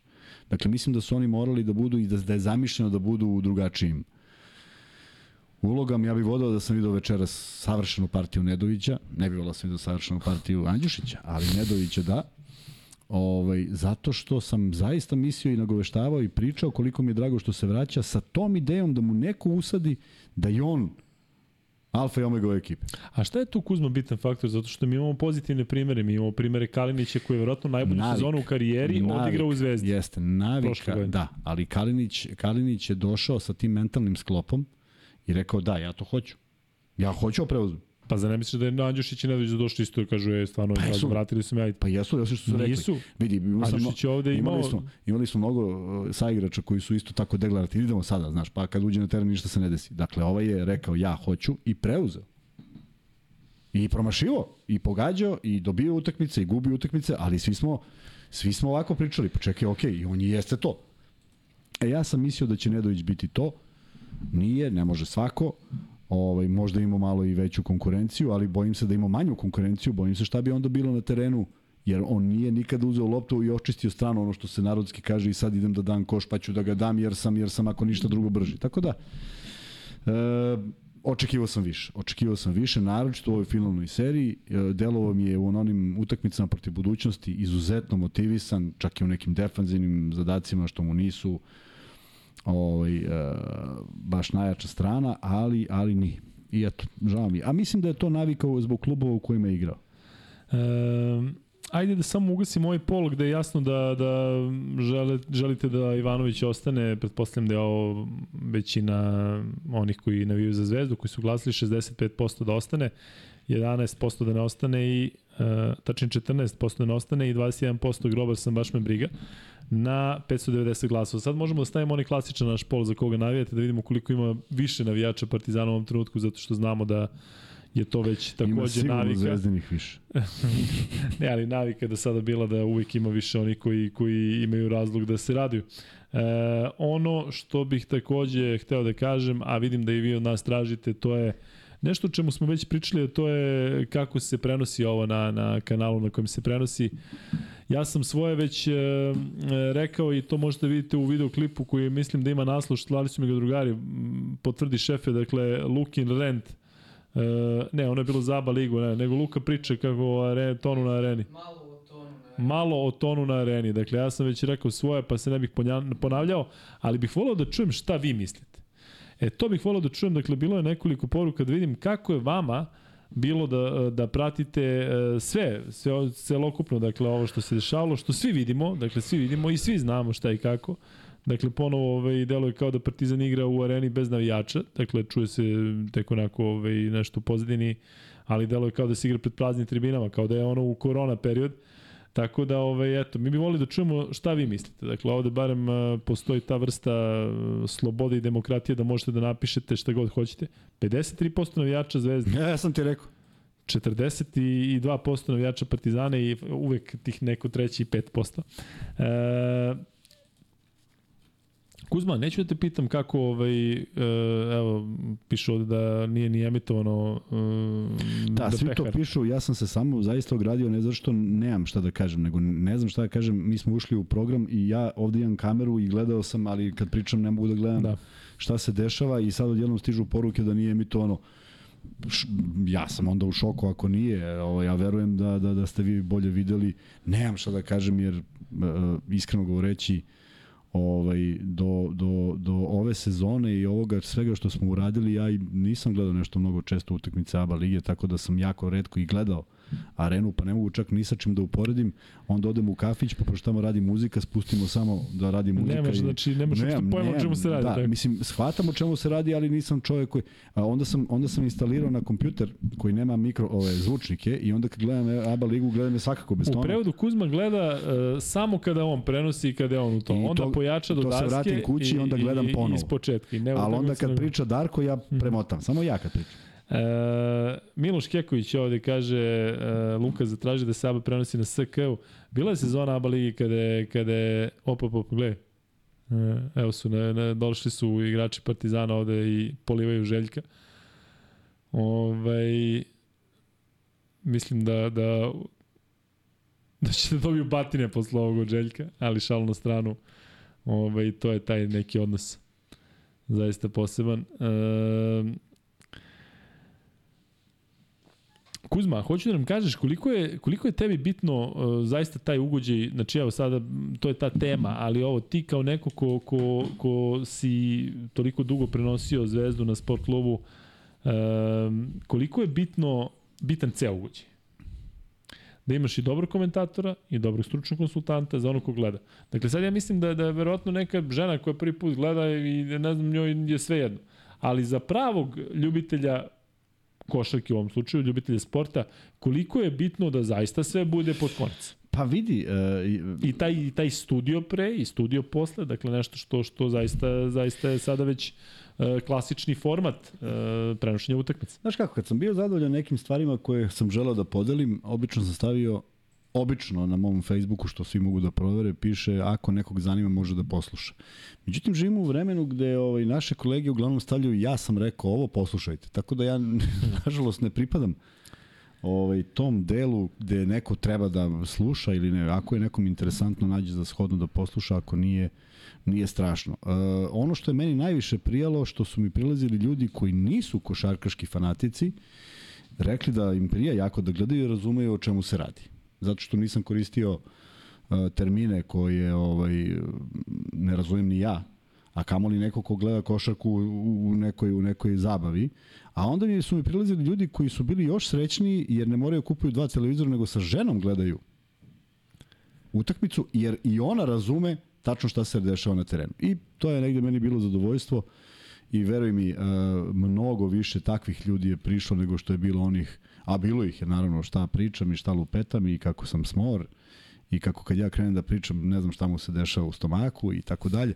Sve je to u redu. Ja ne mislim da treba svako da, da, da me voli ili bilo koga da, da, da, da, da voli, ali uh, Ilija Kovač mi dao jednu dovu, jedan dobar savet i zaista, evo, prilike da ga svima ovaj, prosledim. Dakle, apsolutno može da vam se ne dopadne šta mi radimo. To je potpuno legitimno ali ne možete da znate da li radimo dobro ili loše, jer ste još manje kompetentni za tako nešto. Dakle, može da ti prija nešto ili da ti se ne sviđa, uvrediti nekoga što ti se nešto ne sviđa je za mene onako neverovatno i to smo dobijali, ali kažem, teško je da oni mogu da kažu šta valja, šta ne valja, jer bio je jedan, pa ide na urbana legenda, ti vjerojatno znaš da je istina, što je stalno pisao sport klubu, pa su ga našli, pa su ga doveli i stavili u kabinu, pa je posle 4 minuta izašao znojav i rekao izvinjavam se za sve što sam napisao ikada. E, to su neke stvari zato što sam ja isto to slušao da svako može, a pošto ja mislim da ne može i naravno imam neki svoj stav po tom pitanju i neki integritet, mislim da sam radio dobar posao i mislim da sam donosio to nešto što bi moglo da bude nekome ko gleda na isti način da bude ugođaj. Da li je bio, kažem, po reakcijama ljudi, Deluje mi da jeste. Da, ovo što je Kuzma rekao, dakle, zaista mora da postoji neki background. Kod Kuzme je to ozbiljan background u smislu šta je, ovaj, gde je igrao, šta je radio. Kod e, mene, često kažete kako sam imao karijeru, slabiji od Kuzme, ali bolji od većine oni koji komentarišu. Tako da kada tako okrenete, onda ovaj, ne znam šta je potrebno da bude, da neko se, se uh, ima kvalifikaciju da je stručnjak. Ti si meni jednom ispričao, nećemo pominjati ko, ali da je neko za tebi rekao kako možeš ti, kad ti nisi imao recimo karijeru kao ja, Da. Da, ali taj zaista je imao, imao karijeru. Jel onda, jel onda njegov, njegov uh, uh, Ne, ali, Ne, s njegove tačke gledišta je to okej, okay, zato što je malo oni koji zaista mogu da kažu da su imali bolju karijeru od tebe. Nije, nije okej, okay, zato što ne mora znači da zna da izgovori nešto u aoristo, razumeš? Možda ne zna čovjek gramatiku. Ne znači to što je bio. Uh, imamo problem biti bolji igrač u, pra, u praživotu koji više ne postoji. To je jedno. Ja nemam problem da se taj neko nadogradi i da, da bude dovoljno interesantan Da. i sve to da radi. I onda ja kažem, ok, ali to nema nikakve veze kakav si igrač bio, nego koliko si kompetentan da radiš ovaj drugi posao. Tako je, koji moraju ljudi to da znaju, zahteva mnogo. Tako je, tako dakle, nije to samo poznavanje košike, moraš i gla, glas mora da bude prijatno. Ma, Dikcija, moraš da smišljaš, akcenat, ti, ti uživo treba da smišljaš. Ti Tako treba smišljaš nešto je, se dešava na terenu. Ali bio je još veći biser, jer ja sam pokušao da odgovorim, da li to znači da ni košarkaš uh, da neko ko ne igra u košarku ne može da bude trener. E onda, pošto je bilo uvek više navijača Partizana, onda su mi oni rekli, e, to ne mora. Može da se bude trener i ako nisi bio košarkaš. Ali ovo ne može, ovo ne može ako nisam dostigao neke ludačke visine. Ja stvarno ne znam, igrao sam tri godine Euroligu, mislim da, da je to nešto što, što je san svakog igrača. Osvojio sam tri prvenstva u, u našoj zemlji i još tri sa strane, još dva sa strane. Pa neko mi to deluje da je sasvim okej. Ali, sve to nema nikakve veze, nego ima veze da li, znaš koja je još vrlo bitna stvar, da li ti primećuješ kameru? Ja od prvog svog intervjua, uopšte nisam znao da postoji kamera. A moji saigrači, pojedini, evo ovako, priča, priča, priča i uključi se ono i samo ovako. Prosto ne može da savlada to, Jasno. tu, tu tremu. Prema tome, dosta je to kompleksno, a ja kažem, nadam se da je ovih 9 godina bilo svima zanimljivo, svima, većini zanimljivo, tako da ovaj, mi je drago ako je tako. E, Da, malo smo skrenuli s puta, ali e, to je bila moja namera da bi sačekali da se zaista prenos završi, vidim da se sad vraća ova dodala pehara i sve.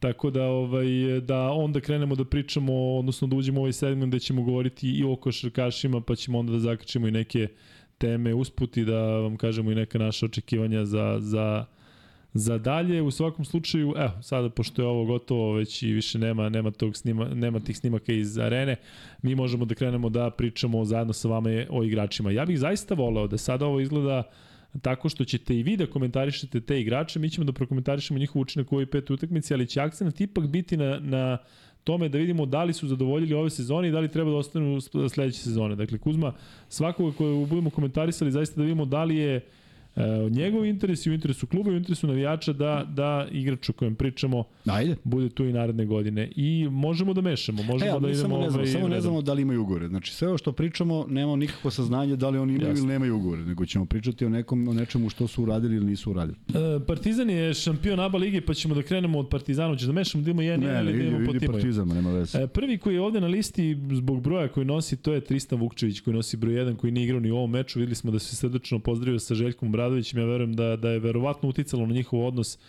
ono što je Tristan otišao u Ameriku. E, ja Tristanu želim da, da bude izabran na draftu koji, koji će biti za nekoliko sati i mislim da je njegova, njegova budućnost u NBA ligi. Kakva će to budućnost biti, ja ne znam. Kažu da se dobro pokazao na tim utakmicama kada je bio tamo. Ima tih igrača kojima jednostavno to više leži. Jokić je najbolji primer, zato što smo, ovaj, možemo samo da, da razmišljamo kako bi Jokić igrao u Euroligi. Da li bi u Euroligi bio jednako dominantan kao u NBA ligi? Ja mislim da bi, zato što on ima tu sposobnost kao kameleon da se snađe u svakoj situaciji najbolje, ali da je za njega, za njegov stil igre, za, njegovo, za njegov način igre, mnogo bolje da, da, da bude u NBA-u. E, što se tiče Tristana Kuzma, deš, deliš moje mišljenje da, da je ovo ipak jedan od onih igrača za koga znamo da, da nema perspektivu u Partizanu u smislu da, da sledeće sezone šta? Da, da možda dobije veću minutažu. Ne, nek ne ide tamo, nek se krlja, ne nek može jače da i to je to. ispuni zahteve koje traži evropska košarka. Na šta tačno misliš? Koja je razlika tu? Mislim da je razlika, na primjer, da ti uh, u NBA dođeš i kažeš, ok, momci, imamo 82 utakmice. Cilj ove sezone je da nam se razigra Tristan Vukčević. Mi želimo da ostvarimo 30 pobjeda, što je dve pobjede više nego prošle godine. Idemo, Eldorado. I on kreće u svoju akciju. Kao što to radi Pokuševski. Ja ne mogu se ne divim čoveku odakle on daje neke poene, ali taj tim nije konkurentan.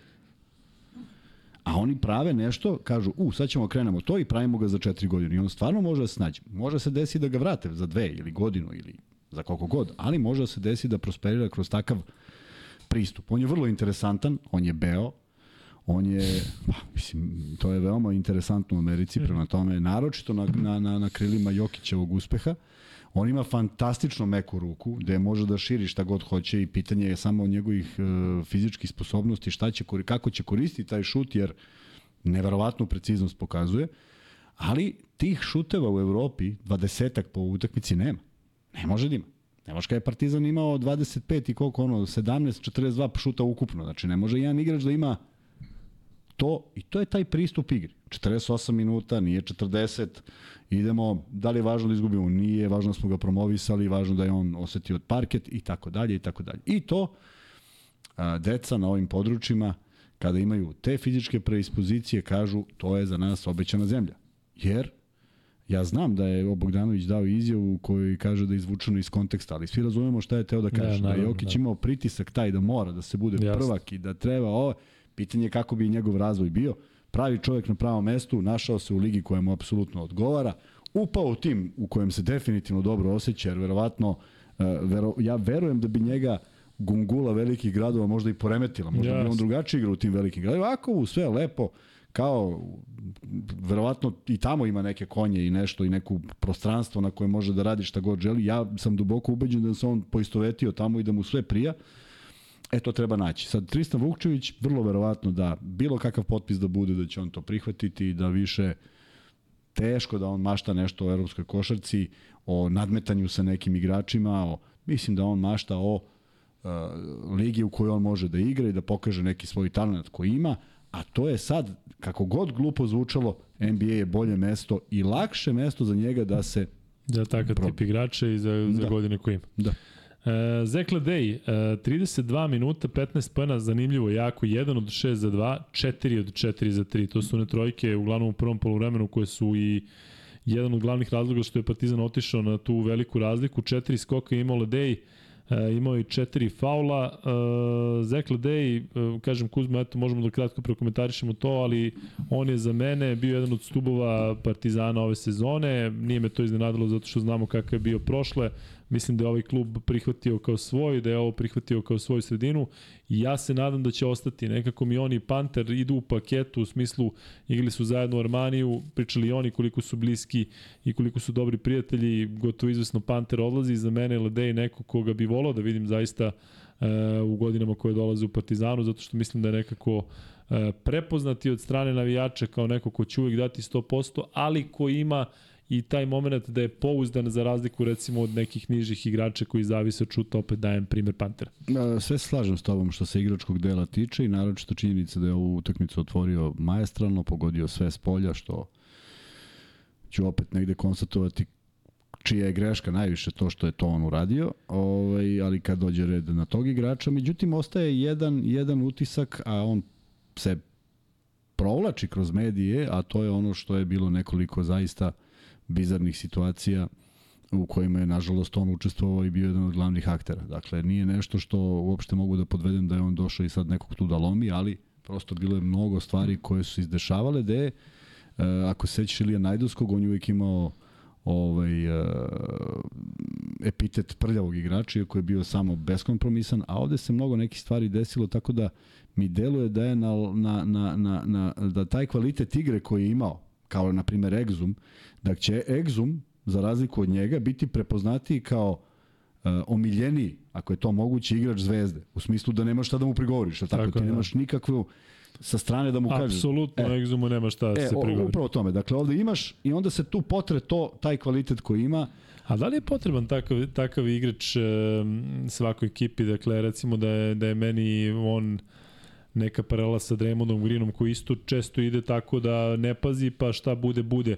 Da li, da li takvi igrači, znamo da ih ima u šampionskim timovima, evo sada se priča da bi Draymond Green možda mogao u Denver, dajem njegov primer, ali dajem primer Rodmana koji će da ide, pa sada ako puca, puca. Zato što recimo u slučaju Kobija Bryanta, mi smo čuli ovde od Radmanovića od svih, kaže da hoće da ti polomi ruku na treningu, to ne možemo da kažemo da je u sportskim okvirima. Ali znamo da on je spreman da uradi sve, da bi njegova ekipa uh, pobedila. Gde je ta granica? Koju... Granica je što su to ekstremi. to su ljudi koji su ekstremi. Imaš Kobija Bryant, imaš Jordana, imaš možda Birda i onda staneš.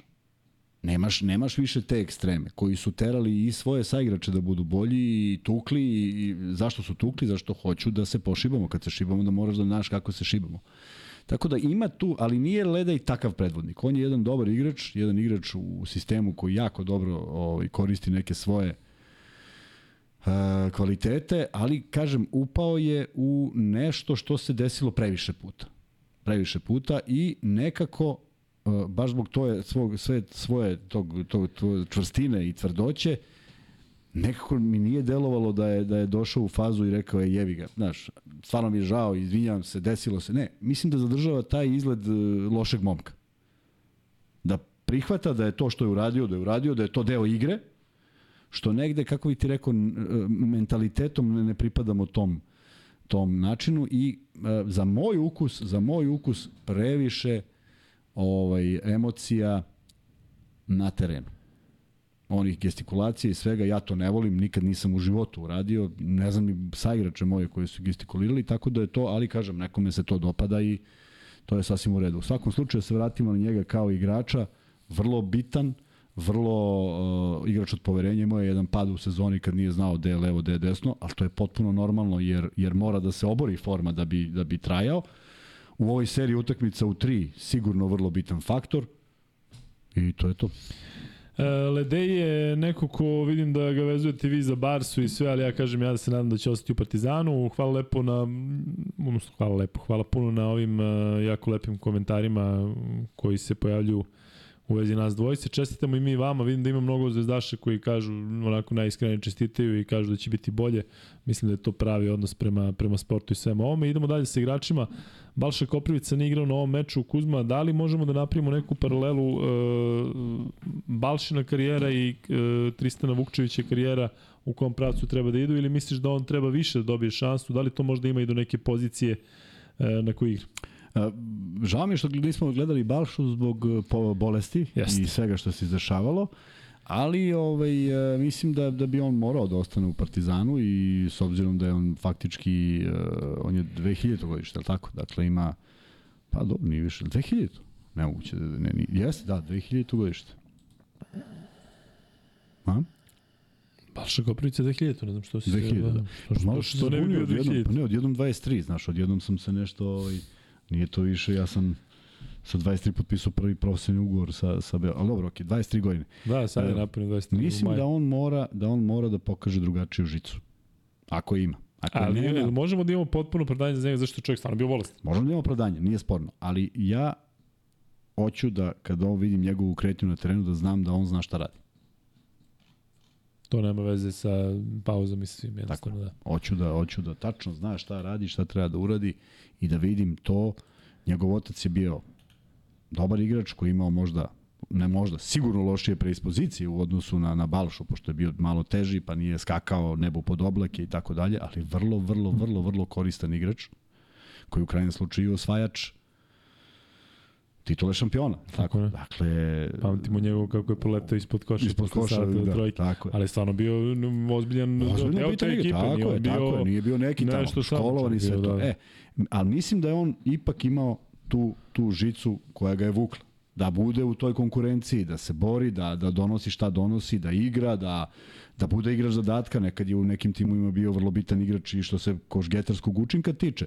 Ali mislim da, da, da, da ove godine, koliko ima Balša sa ovom godinom koja je bez veze ispala zato što je takva kakva je, a, njegov pristup i njegov izgled na terenu u prvoj utakmici sledeće godine mora bude drastično drugačiji da vidimo da li je to to. Jel bi volao da ga vidiš u Partizanu ili misliš da je možda za njega bolja neka sredina da se kaže da se iskali mada igrači što ti kažeš sa 23 24 ja godina ako treba da se kale? Ja se bojim da neće imati da da da da da može da znaš velika razlika sad kad pričaš o malom Topiću koji ima 19 i loptu u rukama. Da.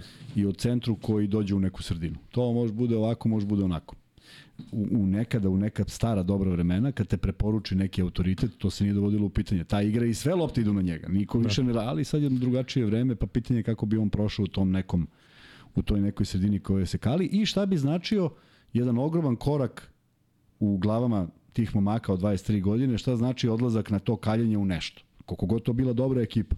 Znaš, koliko sam ja e, savremenika nalazio po, po, po posle godina, godinama kasnije, pitam, pa gde si ti izgubio? Pa kaže, pa jebi, kaže, nisam mogao u Partizanu. Pa što došao u OKA Beograd?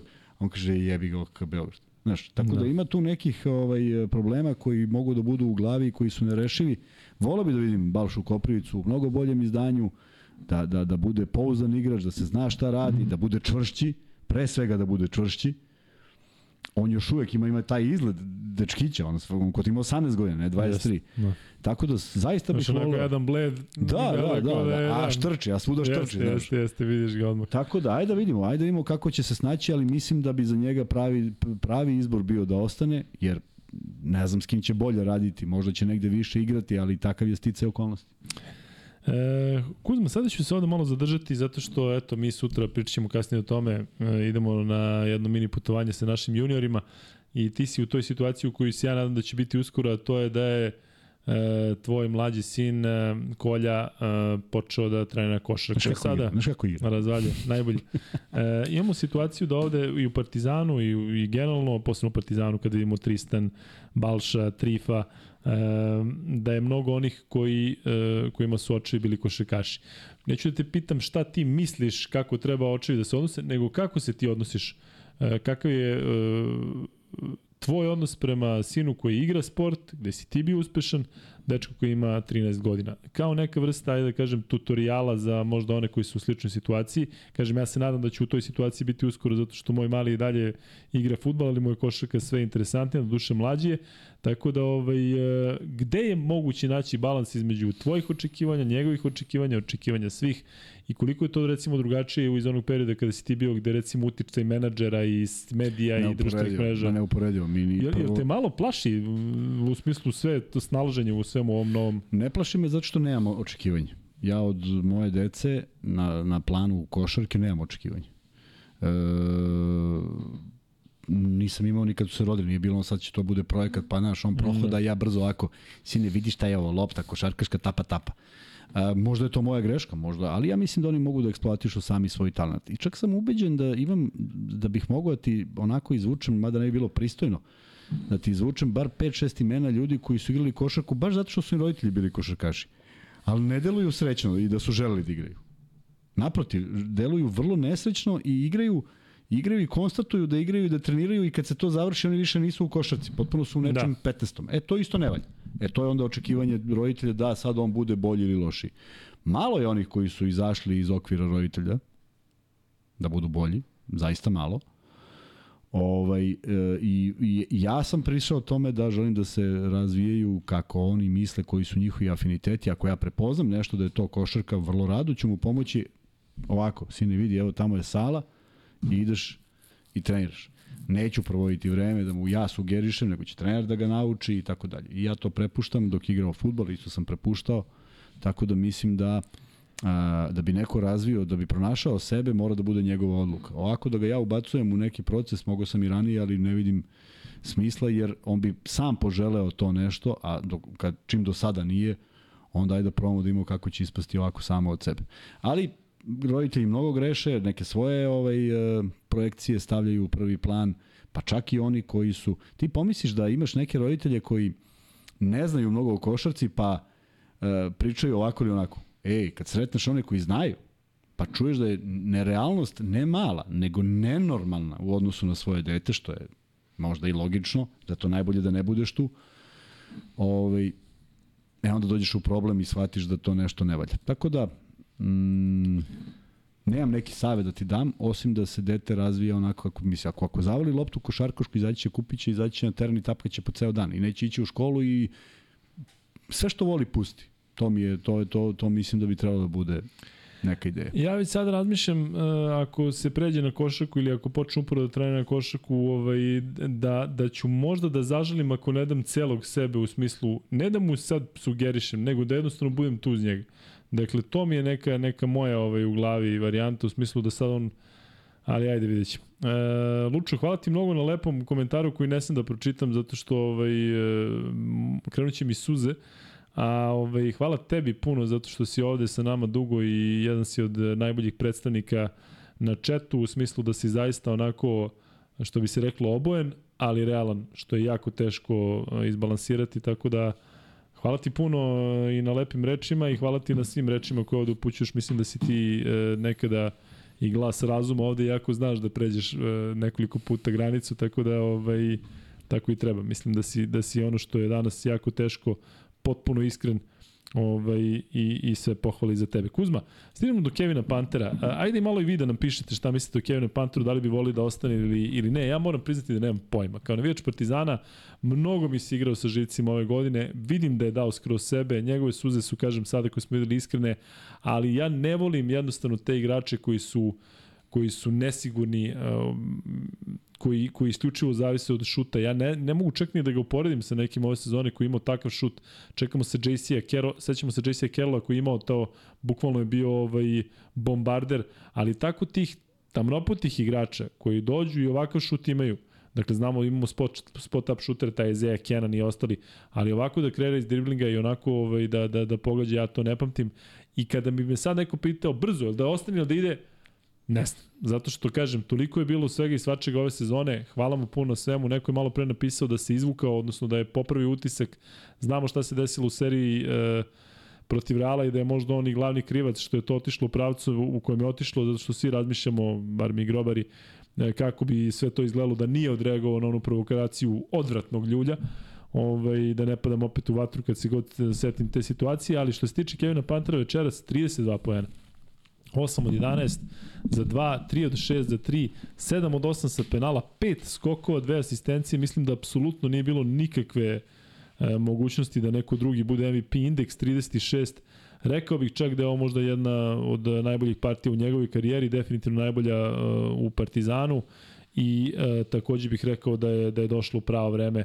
Dakle mislim da je ovo za njega takođe jedna posebna posebna um, poseban moment u karijeri, satisfakcija i protiv bivšeg kluba, znate kakav je on ima odnos sa navijačima Crvene zvezde, tako da svaka mu čast. Svaka mu čast, 36 minuta, uh, ali kažem, uh, sve jedno, ja mislim da sam na 51% da mu želim sve najbolje, da je on zaokružio svoju svoju priču u Partizanu i da treba da ide dalje. Slično razmišljam o Lesoru, zato što nisam siguran da Lesor može da bude na, na ovom nivou na kojem je bio ove sezone i da čak možda treba i da taj dečko zaslužuje da naplati da naplati sada da dobije najveći mogući ugovor i da ovaj da da nastavi dalje. Ali doćemo do Lesora. Kuzma, uh, Panterova partija danas, Panterova sezona, Panterova budućnost, da čujemo to ništa.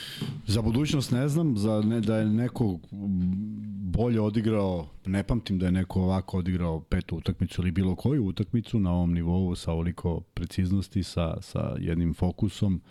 E, nije poslužila odbrana, mislim da je moralo više da se žrtvuje po tom pitanju, mislim da je morala da bude jedna destrukcija igre koliko god je to moguće. Mislim da je Holland trebalo da napravi pet faulova i da Panter šutne 10 slobodnih bacanja i da da 10 poena. Pa što nisi poslao Duletu Ivanoviću, možda nije mu radio, znao, nije mu radio to.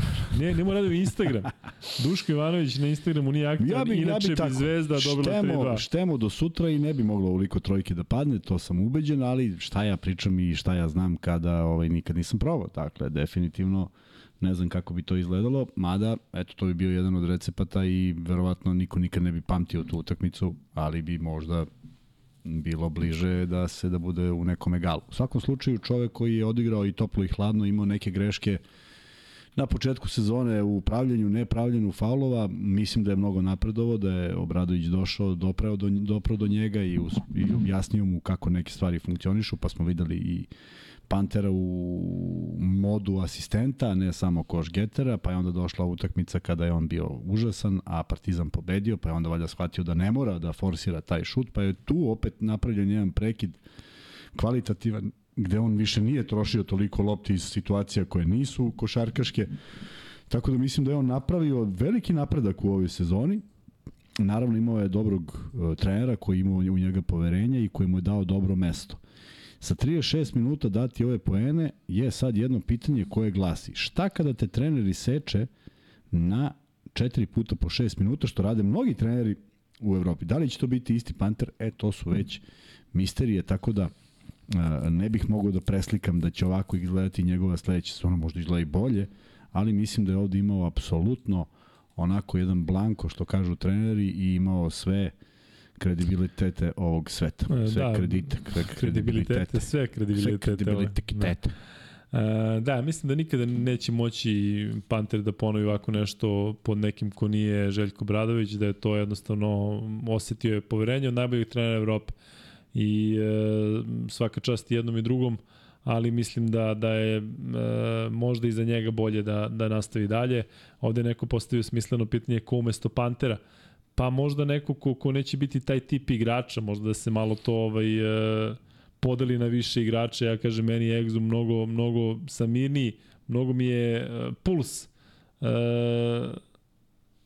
normalniji i normalniji ritma kada Exum ima loptu, ali kažem hvala Panteru zaista na ovoj partiji i na ovoj sezoni i zaista sve pohvale, kažem, e, nije bilo lako ni njemu, znate kako je jedno vreme ga je Željko držao na klupi u odlučujućim momentima posle onoga što se dešavalo sa Baskonijom, tako da i za njega kao kapitena ovaj, e, dosta onako haotična sezona i kažem šta li njemu u glavi posle onoga sa Realom ne znam, ali znam da je odreagovao dobro u ovoj seriji. Nije bio svoj protiv e, derbija i protiv CDVita Olimpije, ali kada je to bilo najpotrebnije Partizanu e, kapitenski odradio posao.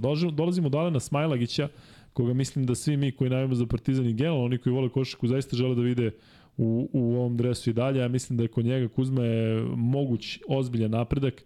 Ipak govorimo o jednom dečku koji je za razliku od e, njegovog vršnjaka Balša Koprivica ove sezone dobio o, e, šansu, iskoristio je, postao jedan od najbitnijih igrača. Njegov učinak u majstorici je 8 poena, 4 od 6 za 2 ponova imao neka zakucavanja koje su onako podizala publiku, ali e, mislim da je bitno da ekipa ima jednog takvog igrača koji je na visokoj poziciji m, dobar šuter, meku ruku ima, sposoban da, da, da, da pogodi s polja, videli smo kako, kako i ove sezone daje bitne trojke za Partizan, a opet je vrlo, vrlo atraktivno u smislu oni Lesor zaista mogu da podignu publiku Exum na način na koji to drugi igrači ne mogu. Da, jedino, potpuno se slažem i mislim da bi samo morao da ubaci još jednu, jednu stvar u svoj neki repertoar, neko šarkaški, nego više mentalni, da takav bude i u utakmicama koje su na gostujućem terenu. Ipak je velika razlika od ovoga što je Smiley igrao u tri utakmice u areni i od dve utakmice u pioniru. Da, ne govorim o, o bilo čemu, samo o fokusu, o dobrim odlukama, o svemu što... Ali dobro, on ima 23 godine i on, on je, ne, on je 99. On ima 24, ja. Kako može Smiley da bude 99? Pa može, što da ne može. 2000. godište. I on je 2000. Pa dobro, zašto je to bilo pomešano 99. i 2000. Balša da. tad nije bio sa U16, Balša da. se kasnije priključio. Dobro, i on je 2000, to sa malo drugačijom pričom od Balše, sa mnogo više iskustva i mnogo više minuta na terenu, vrlo bitan faktor na ovoj utakmici, bez sumnje. Uh, da, ja mislim da on treba da ostane, da ima ugovor, da, da, da tu još može da pruži mnogo toga, da nauči mnogo toga, da unapredi svoju igru u svakom smislu i da nekako ja samo bi voleo da on malo više uloži u sebe u smislu mm, evo kažem treninga, ne sumnjam da on dobro trenira, nego, nego da to što radi na treningu se lepi, da nema, sećaš se koliko je u, u ovoj sezoni bilo onih momenta kad uđe pa izađe samo zato što je napravio grešku da. u prvoj sekundi. I onda ostane malo duže pored out linije, da. da.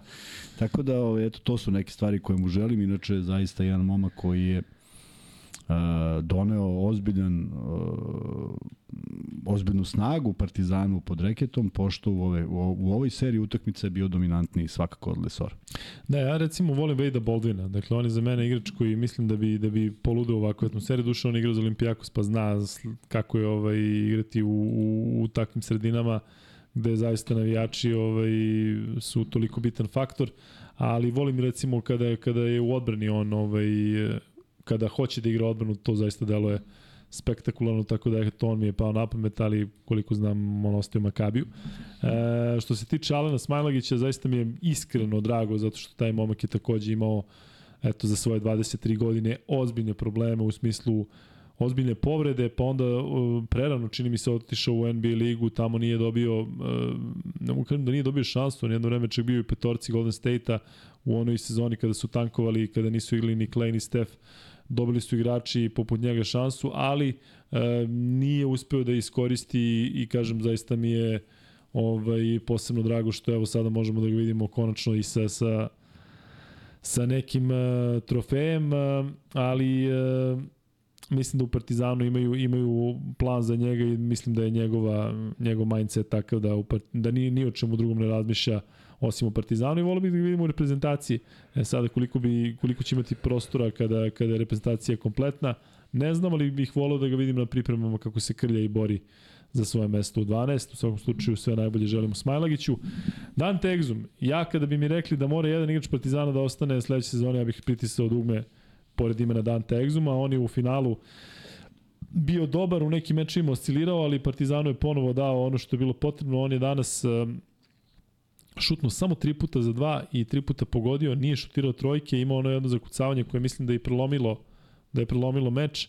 4 od 5 sa penala, pet asistencija i uh, on je imao najviše asistencije u Partizanu, tako da zaista za mene Dante uh, genijalac, mnogo mi je drago što se on posle one NBA uh, epizode kao peti pik na draftu si non stop povređen, problemi u Clevelandu, problemi u Juti i ovaj, evo, mislim da je ovo vrhunac njegove karijere, znamo da je u Barceloni kod je Skiviću sa to išlo po sistemu gore-dole, sada kada smo čuli da treba da postane otac, zaista mislim da da ovaj je zaslužio sreću na svim frontovima, tako da Dante u prevodu ostani ljubim te Kuzma.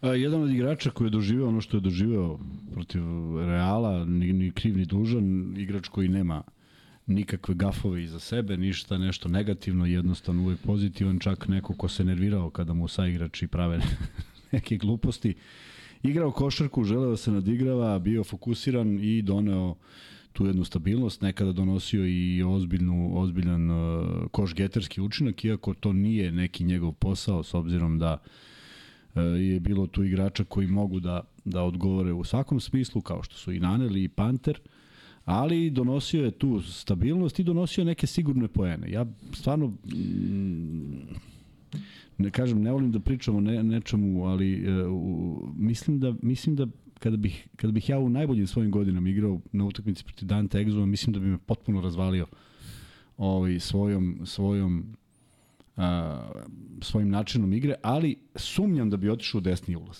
Apsolutno sam siguran da bi mi sve što bi mi dao, dao na levi ulaz, možda i zakucao preko mene, potpuno svejedno, ali prosto ne bih dozvolio da kao danas opet ode nekoliko puta na desnu stranu, nahrani sebe, po, pogodi, podigne publiku, ubaci igrača u problem, nekako mi dalje to ne ide u glavu, ali ovaj, samo zato što je jedan od igrača koji je poprilično eksplicitan šta radi i nije, nije teško shvatiti već posle jednog gledanja snimka. Ali izuzetno eksplozivan, uh, hrabar i doživio neke stvari i taj taj tu povredu prsta o kojoj se više nije ni pričalo, ali mislim da nije lako igrati s tim kad znaš da postoji nešto tog tipa na telu, tako da ovaj, jedna dobra sezona i mislim da je jedan od bitnijih uh, igrača što se stabilnosti tiče. Jako je malo utakmica da je on podbacio. Da, zaista da ne zaboravimo to što se desilo sa Jabuselom i u drugom da, meču da, da. protiv da. Reala.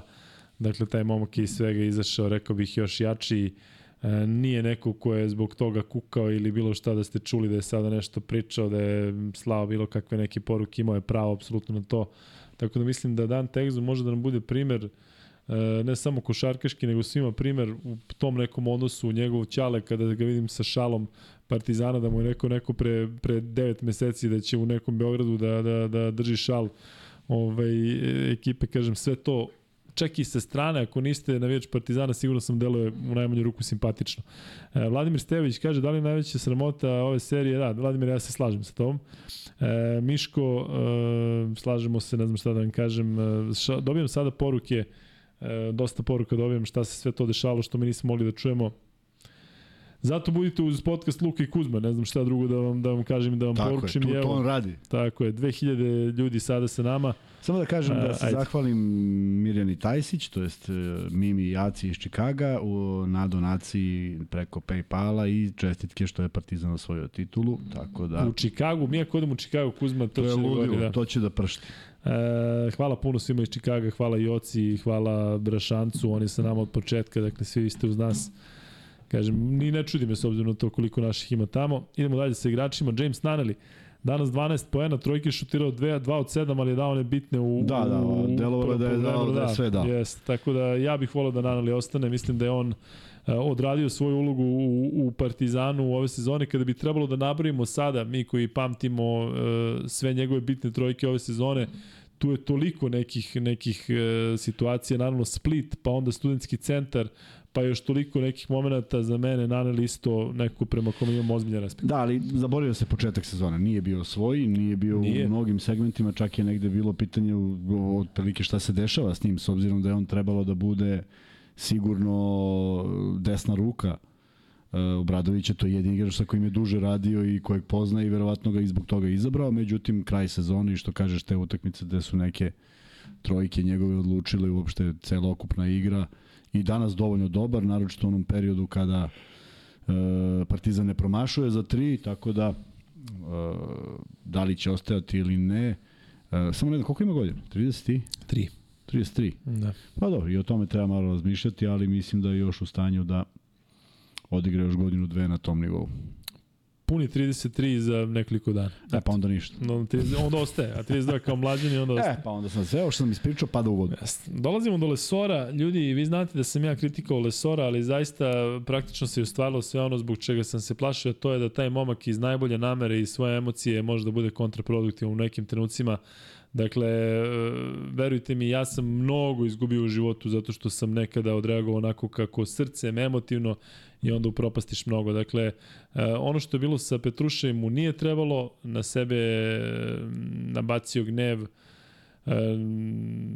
navijača i napravio tu jedan duel sa Petrušem koji evo i dalje traje u smislu da se o tome priča i znamo kakve su se posljedice bile iz jednog i iz drugog, ali e, ono protiv Reala je nešto čega sam se u stvari najviše plašio da e, situacija u kojoj on nije uključen da on iz toga izađe kao neko ko će biti ovaj kažnjen. Dakle, tu on nije, nije, nije učestvovao u incidentu, odnosno nije učestvovao u početku incidenta. Dakle, Ljulj, Panter, Jabusele, Exum i onda se neko po, pojavljuje uh, Lesor. Ja bih isto odreagovao tako, dakle, ja bih uvek branio svog saigrača po svaku cenu, ali na kraju kada se podvuče crta, uh, Lesor imao fantastičnu sezonu, uh, ali mislim da je da je da je e, nekada prelazio te granice gde onako srce vuče hoće sve e, da, da ne znam a, a za ekipu to možda ne bude najbolje. Svakom čast te bih voleo da on ovo naplati i da se skloni ovaj iz ove sredine gde mislim da da da da je stvorio taj taj moment gde ga jedni obožavaju, a drugi ga mrze. To generalno nije dobro, zato što živiš u velikom gradu gde svašta može da ti se desi na ulici, u saobraćaju i sve. Mislim da, da je njemu potreban možda, da možda nije takav karakter, da mu je potreban neki mir. Uh, videli smo njegovu suprugu, videli smo njegove detence, dakle, uh, zaista bih voleo da ovu sezonu iskoristi i da je dobro naplati.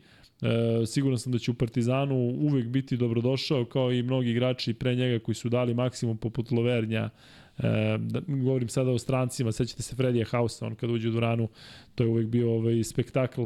Ima još takvih primjera, Lesor je poseban, kažem, neverovatna igra, zaista ja nisam mogao da verujem da on može onoliko dugo mesecima da igra na ovakvom nivou sa onakvom minutažom i rekao bih Kuzma da je kod njega očekivan taj pad u formi, zato što u ovako dugim sezonama da, da igraš u kontinuitetu na, na, na tako visokom nivou, ja mislim da je prosto nemoguće, fizički. Da, ali ti pričaš o njemu sad dosta, pričaš o čovjeku ima dosta emocija, pa i to je uticalo, zato što je da. on to verovatno doživeo taj poraz i vidiš da, da se nekad i rasplače i svašta nešto mu prolazi kroz glavu, tako da on verovatno doživljava Beograd kao njegov grad i to je lepo, a mislim da su ga te emocije vodile i od, od, od, sjaja do očaja. Pravio neke gafove koji su neprihvatljivi do nekih utakmica gde je bio apsolutni ovaj majstor. Ono što mislim da mu se posrećilo da mu je Obradović našao dobro mesto i dao jednu slobodu da on to koristi i da nema opterećenja, da nauči neke stvari i on je isto rastao tokom sezone i mnogo usavršavao svoju igru i ovaj mislim da su se poklopile te neke njegove želje jer kad bi da, da me neko pita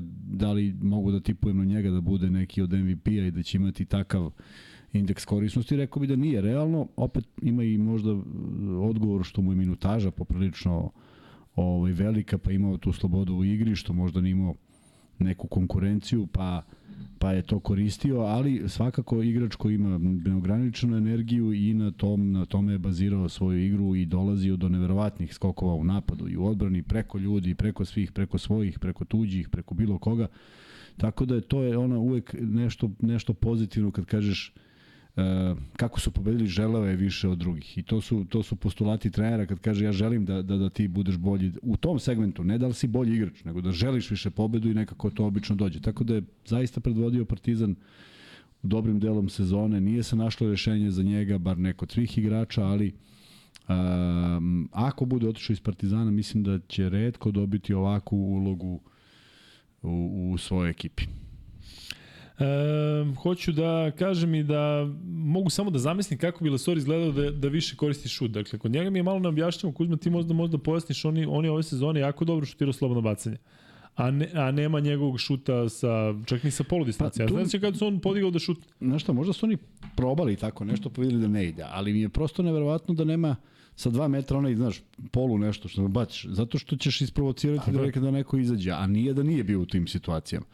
Tako da jeste sve čudno. Međutim, ima on tu jednu, e, nekad mi se čini neartikulisanu kretnju, ali koja funkcioniše. On krene levo, desno, oko noge, jednom, drugi put, treći put i nekako nađe put do koša. Nije to nešto što se zaljubiš i kažeš, u, kako je ovo bilo tehnički doterano, ali prosto on nađe put. I nekako ta visina koja nije impozantna, nije on čovjek od 2.15, prosto Nije on neko ko, neverovatno kako je s tom visinom, koliko se dobro pozicionira, koliko je išao na svaku loptu i to je za svaku pohvalu, tako da imati takvog igrača koji ima tu energiju, a još i kad e, napreduje kroz sezonu, upravo je to donalo Partizanu tu neku prednost i tu razliku pod košem. E, Uroš Trifunović, 15 minuta u ovom meču, 5 poena, ona trojka kad je ušla iz desnog kornera. Da, ja, na početku mislim da, da, u skladu sa svim ostalim. Bo, bukvalno ovaj, mislim da nije bilo sretnijeg čoveka na planeti Zemlji od njega, a videli ste kako je bilo oduševljenje sa tribina. Trifunovićeva sezona je kao i kod većine igrača bila zaista uh, sa mnogo tih amplituda. Uh, u jednom trenutku je delovalo da bi mogao da bude i naj, najbitniji igrač Partizana, znamo kako je defanzivno jak, sećate se da je na jednoj konferenciji Željko rekao da njemu najviše veruje, međutim onda je došlo do jednog pada i taj pad je bio više nego očigledan u toj seriji protiv Reala gde se zaista videla nesigurnost pre svega u šutu. Kuzma, možemo za takve igrače, kasnije ćeš naravno reći šta misliš da li treba da ostane ili da ide, ja bih volao da ide, da, za Boga da, da, da ostane, ali um, da li, do, gde je granica gde može nešto da se izlači na mladost? Pre svega u kući Trifunović je dobitna kombinacija da se igraju Zvezda i Partizan. Jedan, jedan su uvek veseli. Ovaj, um, pa ne znam, nije više u godinama kada sad to može da prođe kroz mladije. Nije imao dovoljno minuta. Trifa ima dovoljno minuta. Uh, Trifa je uspeo da savlada to nešto što je vrlo bitno da shvati da je igrač zadatka. Nije lako da, da budeš da prihvatiš tako nešto, svi mi imamo želje da budemo što bolji i da od nas zavisi nešto, međutim ne znači da ne može da izgradi to nešto, ali to mora bude sigurnije. Dakle, ne sigurnije u procentima, sigurnije u rezonu. Evo i ovo, iza njega je ta atmosfera na četvrtoj utakmici bila kad je primio loptu, otrčao pravo prema košu i izgubio loptu.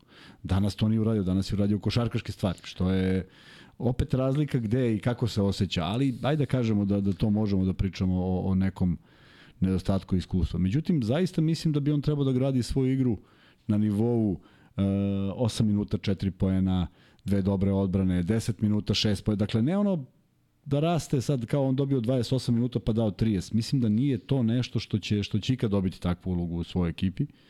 Ali mislim da može da bude vrlo koristan igrač koji može da pokrije i defanzivno i ofanzivne zadatke, naročito zbog toga što ima lepu tehniku šuta, da malo usavrši taj šut, da ta lopta kad dođe u ćošak, to bude ozbiljan procenat e, verovanja i mogućnosti da će to završiti u košu.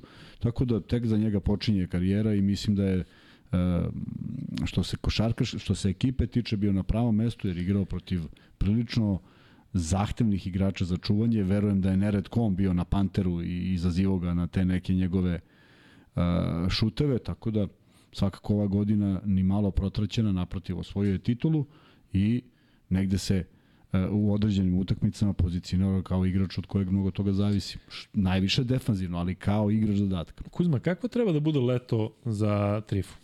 Dakle, da li to treba da bude ono isključivo rad, rad, rad ili ono što smo ovde pričali sa profesorom Trunićem i u toliko navrata, da li možda je potrebno još nešto osim toga zato što se vidi da kod njega postoji i dalje ta neka, ne kažem trema, neki strah, ali da on jednostavno ovaj, je često, da kažem, ima tu neku mentalnu barijeru. Da li to sad, da li, da li to može da se nadoknadi sad ono s trena 8 sati dnevno? Ne, ne, ne možeš mentalno, ne, mislim, može da dobiješ neku sigurnost, ali ako prvi put kad ne budeš siguran, to se onda vrati. Sad pričati o nekim e, psiholozima i tome što smo pričali sa profesorom Trunićem, apsolutno mislim da u savremeno doba su neophodni, pošto je sve napredovalo. Nekada je to bio tabu, pa kao ide kod psih, psihologa, oni kažu, ovo je normalan, to budal. Tako da, ovaj, naravno da se menja i ako neke stvari mogu da se poprave, na, primjer, znam plejadu igrača koji bi to moglo da popravi šut, zato što su uh, bolje šutirali kad ih niko ne konstatuje. Dakle, trening, 2 na 2, svi su u dvojkama, šutira se i ne gube. Ali kad stane liniju uslovnog bacanja i nekomu kaže ajmo u piće, taj čovjek više ne šutira isto. Dakle, problem u glavi, nije problem što je zaboravio šutira u istom sekundu. I, ovaj, i a slažem se da je to nešto potrebno, ali da li će to iko implementirati sumnjam, jer nekako e, mi teško prihvatamo bilo kakve promene, pa i to. Um, toliko o Trifi, zaista mu želimo sve najbolje u nastavku karijere. Ja bih da, volio da to bude u da Partizanu, da, da to ostane ovde. E, sada stižemo do Danila Andjušića. E, ja sam siguran da se dosta vas neće složiti sa mnom, a opet kažem subjektivan sam zato što nam je taj momak izašao odmah kad je došao u Partizan, odmah je došao i u podcast i videli smo kod njega jednu želju, ovo mu je treći, da kažem, mandat u Partizanu, nije to išlo onako kako je on želeo, kako su navijači želeli, ali na kraju završeno da je kao i prošle sezone sa ekipom došao tada sam onakom na pobedu od uh, Final Fora, osvojio je ABA ligu. Um, ja znam da to nije realno, ali moja želja je da Andjušić ostane u Partizanu i da mu sledeća sezona bude mnogo bolje od ove. Neke stvari su možda nenadoknadive u smislu odbrane, Da se vratim samo na trenutak na Trifu, mislim da bi Trifa trebalo sve da crpi iz odbrane, da njegovo samopouzdanje ide isključivo iz odbrane zato što je pokazio večeras koliko defanzivno može da bude dobar, a napad e, pretpostavljam da da da da ovaj će doći iz toga, tako da ono što je Kuzma govorio na početku godine, da radi samo ono što Željko traži od njega i da ne forsira u napadu i da se sve ovaj svodi na defanzivu, ali da se vratimo na Đušića, Kuzma nije realno da ostane. Nije. Ja mislim da nije iz prostog razloga što je imao drugačiju i on očekivanja i sve je bilo drugačije nego što se desilo. S druge strane, on je neko ko je igrao godinama Euroligu i moguće da, da, da, da traži nekako drugačiji angažman sa možda malo manje pritiska, što možda manje zahteva u igri. Vidi, ne legne svakom trener isto. Pogledaj ako se sećaš, kako zove onaj beli šuter iz, iz Reala? JC Carroll. JC Carroll, da čovjek je znao svoju ulogu u timu, izađe, ne se da je baš asistirao ili da ima 10 skokova na utakmici, prosto nije, ali znalo se šta se očekuje Jest. od njega. Tako da imaš određeni tip igrača koji neko se poklopi jednoj ekipi, odgovara im to što on radi, kad je to potrebno, ba, ba, ba, uđe, nebrojeno puta je rešio sa dve, tri trojke za, za, za četiri minuta, prema tome, možda, možda Andjušiću, možda Andjušić želi takvu neku ulogu, možda je ovo bilo prezahtevno i ja verujem da je sa Obradovićem prezahtevno, ne mislim da je ništa, ništa manje, manje zahtevno sa Ivanovićem, što smo čak možda i eksplicitnije viđali kad mu se neko ne svidi i ne odigra dobro, on samo istog sekunda uzme timeout i napravi izmenu. Tako da želim tom dečku puno sreće zato što mislim da je dobar košarkaš, da može da se snađe u nekoj drugoj ekipi sigurno bolje i da mi je žao što njegov drug povratak u Partizan nije bio bolji. E, veliki pozdrav za Gotovušu koja je sa nama već dugo, veliki pozdrav za sve e, na Kosovu i Metohiji. Moram kažem jednu stvar, dakle, koliko su stvari besmislene te naše podale kada čujem navijače Partizana i Zvezde da imaju zaista istu poruku i da isto naviju ono Kosovo, Srbija, ovaj, treba mislim da se koncentrišemo na te stvari koje nas spajaju, a ne one koje nas razdvajaju, iako je to ovaj, uvek mnogo lakše da da ovaj da nas posvađaju, ali kažem eto u tome smo bar ujedinjeni da želimo dole da da narodu bude dobro, da imamo svi neke iste iste isti odnos prema prema ovom delu naše zemlje, tako da svaka čast vama koji ste dole, koji ste uz nas i nadam se da vam barem na neki način ovaj, mi olakšavamo celu situaciju koja je takva kakva jeste ovaj, prilično kompleksna i, i, i neizvesna, rekao bih. Tako da, eto, još jedan pozdrav za Gotovušu. Znam da imamo još dole ljudi koji nas gledaju na, na Kosovu, tako da eto, možda se i oni sada jave. E, hvala puno na zaista divnim, divnim komentarima, dakle nama, Kuzma i tebi pojedinačno i meni pojedinačno i zajedno, svi nam čestitaju na sjajnoj sezoni, na profesionalnosti, mislim da verovatno ovo što su sad gledali na areni doprinosi nama da ovaj da da vide. Ja ne znam šta se dešavalo, ali dobijam svakakve poruke tako da nemojte se ljutiti što ne komentarišem zato što ne mogu da sudim, samo smo fizički videli da se nešto dešava i da je atmosfera kao da je da je smak sveta, ali e, mm, hoću da e, sada pređemo na igrača koji se zove Jamadar. Večeras 25 minuta 4 poena, jedna trojka, nije bio na svom nivou, ali je uh, u završnici sezone imao mnogo, mnogo zbiljnu ulogu nego jest. tokom većih dela sezone. I on je mlad igrač, treba imati razumevanja da je stranac. Ja možda u nekim trenucima nisam imao razumevanja. Ja bih volao da znam kakav je, kakav je, šta je njemu u glavi. Zato što smo pričali o tome da, da ga se čeka u Bostonu, da bi trebalo da ide u NBA ligu. Pričali smo o tome da bi volao da igra ovaj, e, u, u ponosu Izraela ali meni iskreno ovaj, ja mislim, je da je glava isto da bude u NBA. I da će on težiti ka tome da, da, da, da ostvari te snove. E, poseduje jednu danas nas je uverio o, eksplozivnost, osjećaj za rampu, što nije svojstveno tim igračima, ali on je nekako posebno brz. I mislim da je uspeo da koriguje i on svoju igru od početka sezone i da bude mnogo konkretniji. Dakle, da ne izmišlja potez i šuteve sa leve ili desne noge ili iz nečega, nego jednostavno da naskoči na dve. Čak on ima negde u ovih, u ovih seriji utakmica možda i najviše tih nekih sa polu distance što je nestalo. Obiđe čoveka i lepo šutne. Ovaj dečko koji je e, nesumnjivo talentovan, ali kažem mislim da mu je želja da on da on želi više od ovoga što radi, da želi nekako da bude to drugačije, a verujem da gleda NBA i da mu je to onako e, sve ostalo mu je usputno. A kako tebi delo recimo sada si gledao današnji NBA više nego ikada? Uh, sa ovom serijom koju smo ispratili ovo i kada njega vidiš ovako, da li misliš da za igrača na njegovoj poziciji tamo ima neke perspektive? Ne, e, to ne znam, pazi, ako za kampaca visokih... nema, ako za kampaca nema, meni nije jasno koji su parametri ako nema, ako se diskutuje da li Micić može, ne znam ni tu koji su parametri. Dakle, Ramiševi Dosa i Kampacu da, otišli, vratili da, se vratili kao ono Kako duše, sad, nešto, da.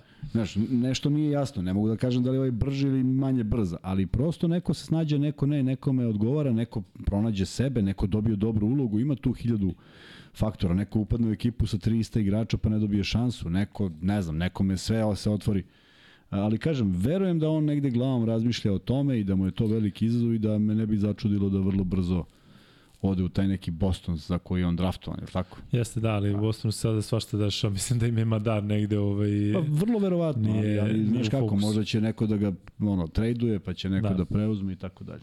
E, dolazimo do Aleksa Vramovića. Ja moram da kažem da je e, jako bilo sigurno teško ove sezone Aleksa Vramovića. Znate kako je počeo sa povredom jedne ruke, pa završio sezonu sa povredom druge ruke. Prosto nevjerojatno koliko je igrao u četvrtoj utakmici, a u ovoj poslednjoj u petoj igrao 7 sekundi. Dakle, neverovatno minutaža u četvrtom meču i u svim ostalim mečevima zajedno ovaj, nije bio ni blizu blizu toga, tako da to je verovatno bila neka taktička varijanta, ali što se tiče Aleksa, ja bih zaista volao da on ovo mu je druga sezona u Partizanu, da postane da kažem ono sinonim, odnosno da postane e, jedan od zaštitnih znakova Partizana, poput igrača kao što su recimo Pera Božić ili Novica Veličković, trebalo to da bude Rade Zagorac, ali čim pomislite na njega, kažete Partizan, i mislim da je potrebno Partizanu da ima jednog igrača koji je tu svake, svake sezone i da oni koji dolaze da ga respektuju. E sad ja ne vidim nikoga drugog osim Aleksa Avramovića u ovom timu, zato što mislim da i Trifa uh, verovatno znate da je bilo priča da bi mogao da ide u NBA ligu, znate da je bilo različitih priča da bi da, da je trebalo da bude draftovan pre, pre koliko godinu dana ili dve godine, ali u svakom slučaju Avramović mislim da je prošao svašta u svojoj karijeri i da je njemu potreba neki mir, da se on sad vraća u neke timove i da ponovo igra u Evropi, ne znam koliko je i njemu ovaj, u interesu i koliko mu je u glavi. Mislim da je onako stekao neko poverenje i trenera, da ga i navijači vole i da bi ovaj zaista mogao da ostane u Partizanu na neki duži period. I da je mnogo promenio igru u Jest, odnosu na prošlu sezonu. Tako, tako da, a ova sezona, ja negde uz sve što mu se dešavalo, ko da, ko, ko da imaš onaj moment da ne osjećaš da je bila. Da. Jer toliko je bilo pehova, tako da on faktički bi mogao da ostane i trebalo da ostane i da nadoknadi, jer a, a, nekako mislim da je uspostavio napokon dobru komunikaciju i da, da sad trener zna šta može da dobije od njega i bilo bi mu, mislim, jako značajno za dalji nastavak pre nego neko lutanje negde, pogotovo posle sezone koja nije sjajna, a nije sjajna zbog povreda koje imao, ne zbog uh, učinka koji imao. I verujem da mu je teško palo da ne igra i verujem da mu je bilo drago što je na parketu i tako dalje, ali nek se zaleči pred, za sledeću sezonu i neka sledeća bude bolja. E, veliki pozdrav za Aleksu i za njegovog brata za koga znam da gleda ovaj podcast, tako da nadam se da ćemo ga i ugostiti u nekom trenutku, sada konačno će biti malo više vremena, mada znajući njega verovatno ovaj, neće biti mnogo pauze e, i sigurno sam da očekuje da, da ovog leta bude aktivan i sa reprezentacijom.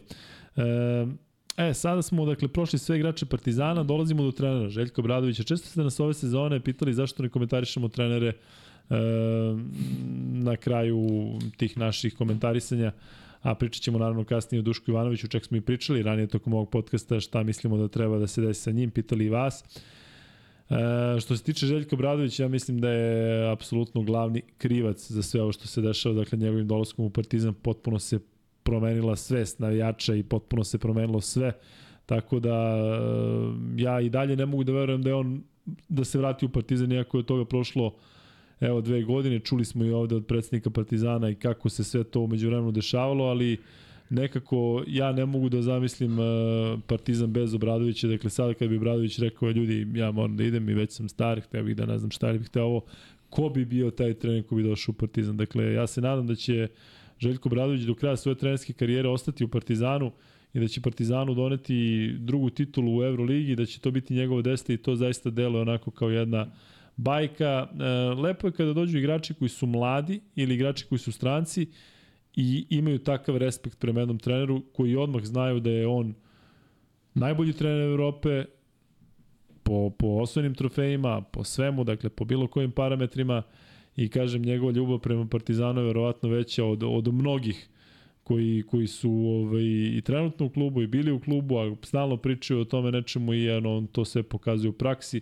Zaista neverovatno je kada uđe u dvoranu kakav je, kakav je e, e, taj moment i kako odreaguju navijači Partizana i mislim da jednostavno ne znam šta treba da se desi pa da, da on ode iz Partizana. Mislim da je on zadovoljio sebe finansijski. Što se tiče nekih izazova po Evropi, bilo je te priče da bi mogao da ide u NBA ligu u nekom trenutku, pa sećate se da je rečeno kao zvali ga na intervju, zvali ga da kao na razgovor, ne znam, nešto mu se tu nije dopalo, ne znam kako bi se snašao i mislim da je ovo sredina u kojoj treba da ostane. Kuzma, šta ti misliš? Uh, s ovim dolaskom on je vratio uh, kredibilitet i ligi i svemu. Uh, E, dve godine od kako je došao sa velikim ambicijama, donao je čak i taj neki sigurno drugačiji stav Evrolige, s obzirom da su da Evroliga zdušno koristila tih 20.000 navijača u sobstvenoj promociji, što da. u krajnjem slučaju jeste. I legitimno je, da. Da, što u krajnjem slučaju jeste, ali znaš, malo, malo mislim da su preterali i pričali su o svojim zaslugama, ne jednoj publici koja je verna i koja je dočekala da dođe Željko Bradović da se posle onog velikog uspeha 90-ih vrati. E, samo mislim da je, da je morao da, da, da prebaci lopticu malo na nekog drugog u, u moru izjava koje su dešavale i e, u svemu onome što smo čitali, zato što mislim da to nije njegov posao. Zaista mislim da nije njegov posao. Ja, na primjer, e, sam bio jedan od onih koji je komentarisao baš utakmicu kada je bilo vređenje to te 2017. Rekao sam da to Obradović ne zaslužuje. Prosto ne može neko ko je naš da bude ovaj, e, izlagan takvim uvredama. I onda on daje neku izjavu koja je možda ljudska za kada bi se to desilo nekom dok, dok, je on, dok je on na parketu da bi on reagovao. Jel stvarno je neko očekuje da on sad sluša kao trener šta se peva? Ne očekuje. Zato onda i onda i onda izgubi i onda izgubi ta ta ta, izjava dobije takvu težinu da je on baš bukvalno treba sa uzme mikrofon i da kaže ej nemojte. Nije to njegov posao. Zato kažem malo da su podeljene uloge da da neko nešto drugo preuzme da ne bude on u, u centru pažnje. Međutim košarkaški sigurno doneo to da Partizan dolazi do top 8, da Partizan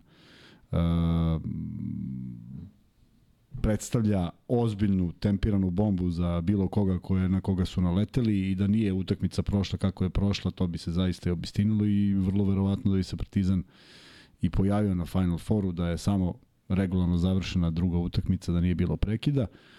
Tako da to su znali i protivnički treneri od kojih od pojedinih ima mnogo veće iskustvo i evo osvojio je a, ABA ligu u jednom u jednoj seriji koja je negde definisana onim plasmanom u okviru ABA lige.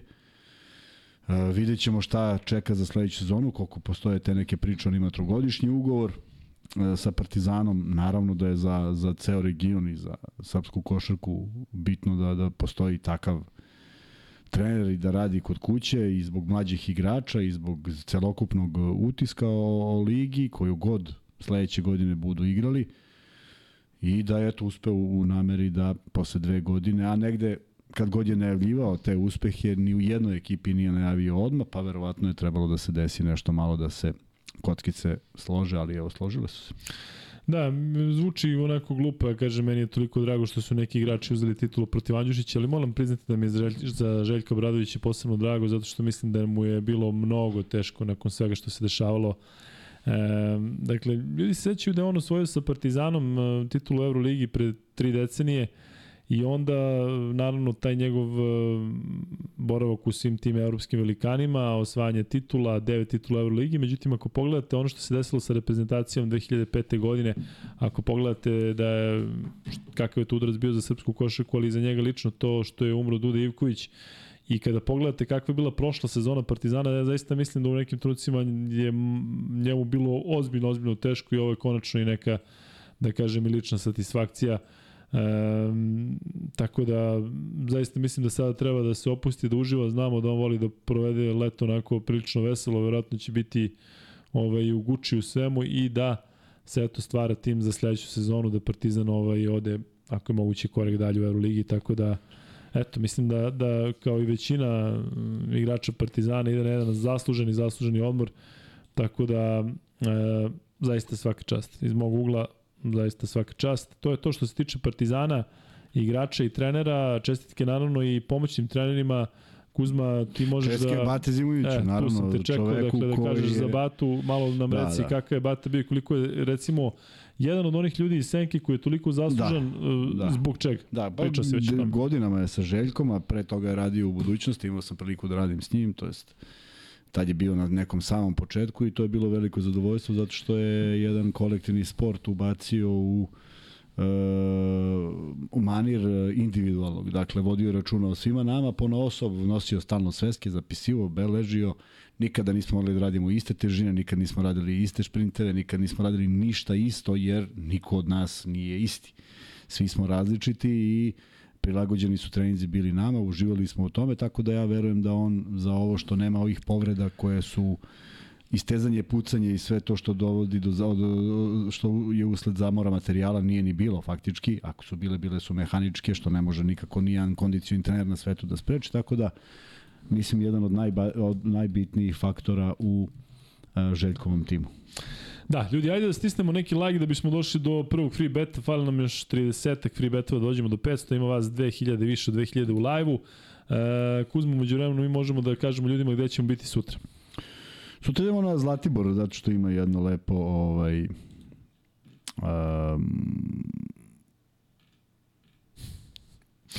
ima, ima, ima lep događaj, ima jedan lep događaj koji se ovaj održava na Zlatiboru, mi ćemo prisustvovati zato što uh, ljudi iz Galensa na svaki mogući način pomažu našem podcastu i u krajnjem slučaju skoro se selimo u studio i onda je najmanje što možemo da učinimo da budemo na nečemu uh, što je jedan lep događaj u susret Vidovdanu sa lepim programom koji ćemo da odslušamo i da prisustvujemo i da se družimo i eto, to je to. Evo, da kažem da u susret Vidovdanu 23.6. dakle to je već danas, u petak uveče 21 čas u lobiju hotela Resort Spa gde ćemo ja i Kuzme ja doći, odnosno vidjeti prvi put. Moderator će biti Borka Tomović, izvođači Andriše Petkovski koji će govoriti besede o Kosovu. Biće tu etno grupa Trag i tu će biti i Danica Crnogorčević, tako da ulaz je slobodan, ako vas put nanese ili ako ste na Zlatiboru, dođite da se užemo u ovom događaju i da, da se onako malo opustimo u tim nekim uh, lepim pričama. Uh, mislim da nas, evo, govorio sam to i ranije, pričao sam o tome da nas to sve spaja i da smo barem u tome e, zajedno i da smo u tome, e, da prema tome imamo svi isti odnos.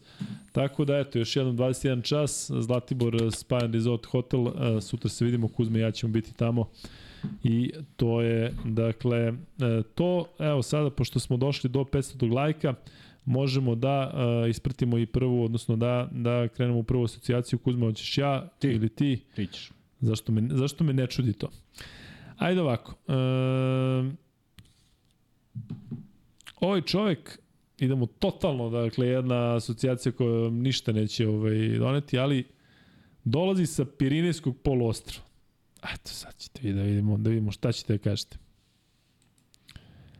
Dakle, ovaj čovjek je sa Pirinejskog poluostrava. A koji deo?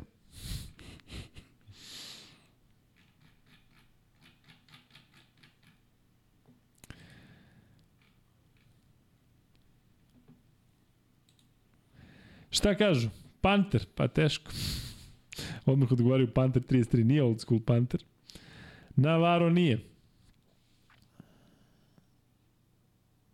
Mirutić nije. E, dakle, za prvi max bet, free bet, e, Rudi nije, krenut ćemo u, odmah u drugu asocijaciju, e, reč je o nekome ko je sigurno radostan večeras. Hm. Sad sam vam otkrio dosta toga, nije Ćač Rodriguez, nije Ćus Mateo, nije Res, nije Pau Gasol. Ljubiša, nedovoljno je. Dakle, moramo da pomeramo i tog čoveka. Sada ćete verovatno da, sad će ovo neko da prepozna pa će da odgovori. Garbahosa, Butragenjo, Rudić, Usmateo, Margasol, Rubio, Mirutić, Ljulj, nije, Gasol, Margasol, Ljulj. Osvojio titulu večeras.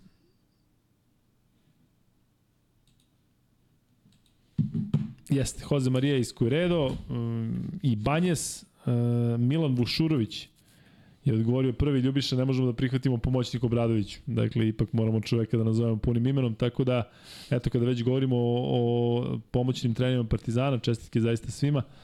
I e, šalješ, dakle, mislim da ranije nisi dobio, šalješ na lukajkuzme.gmail.com svoj maxbet ID, bit će ti uplaćeno 1000 dinara pa možeš malo da se igraš. Kuzma, prelazimo na igrače Crvene zvezde Ajde. i e, neko se kojim, neko kojim ćemo početi je to Da, viš da sam se pogodio to. To, to, to.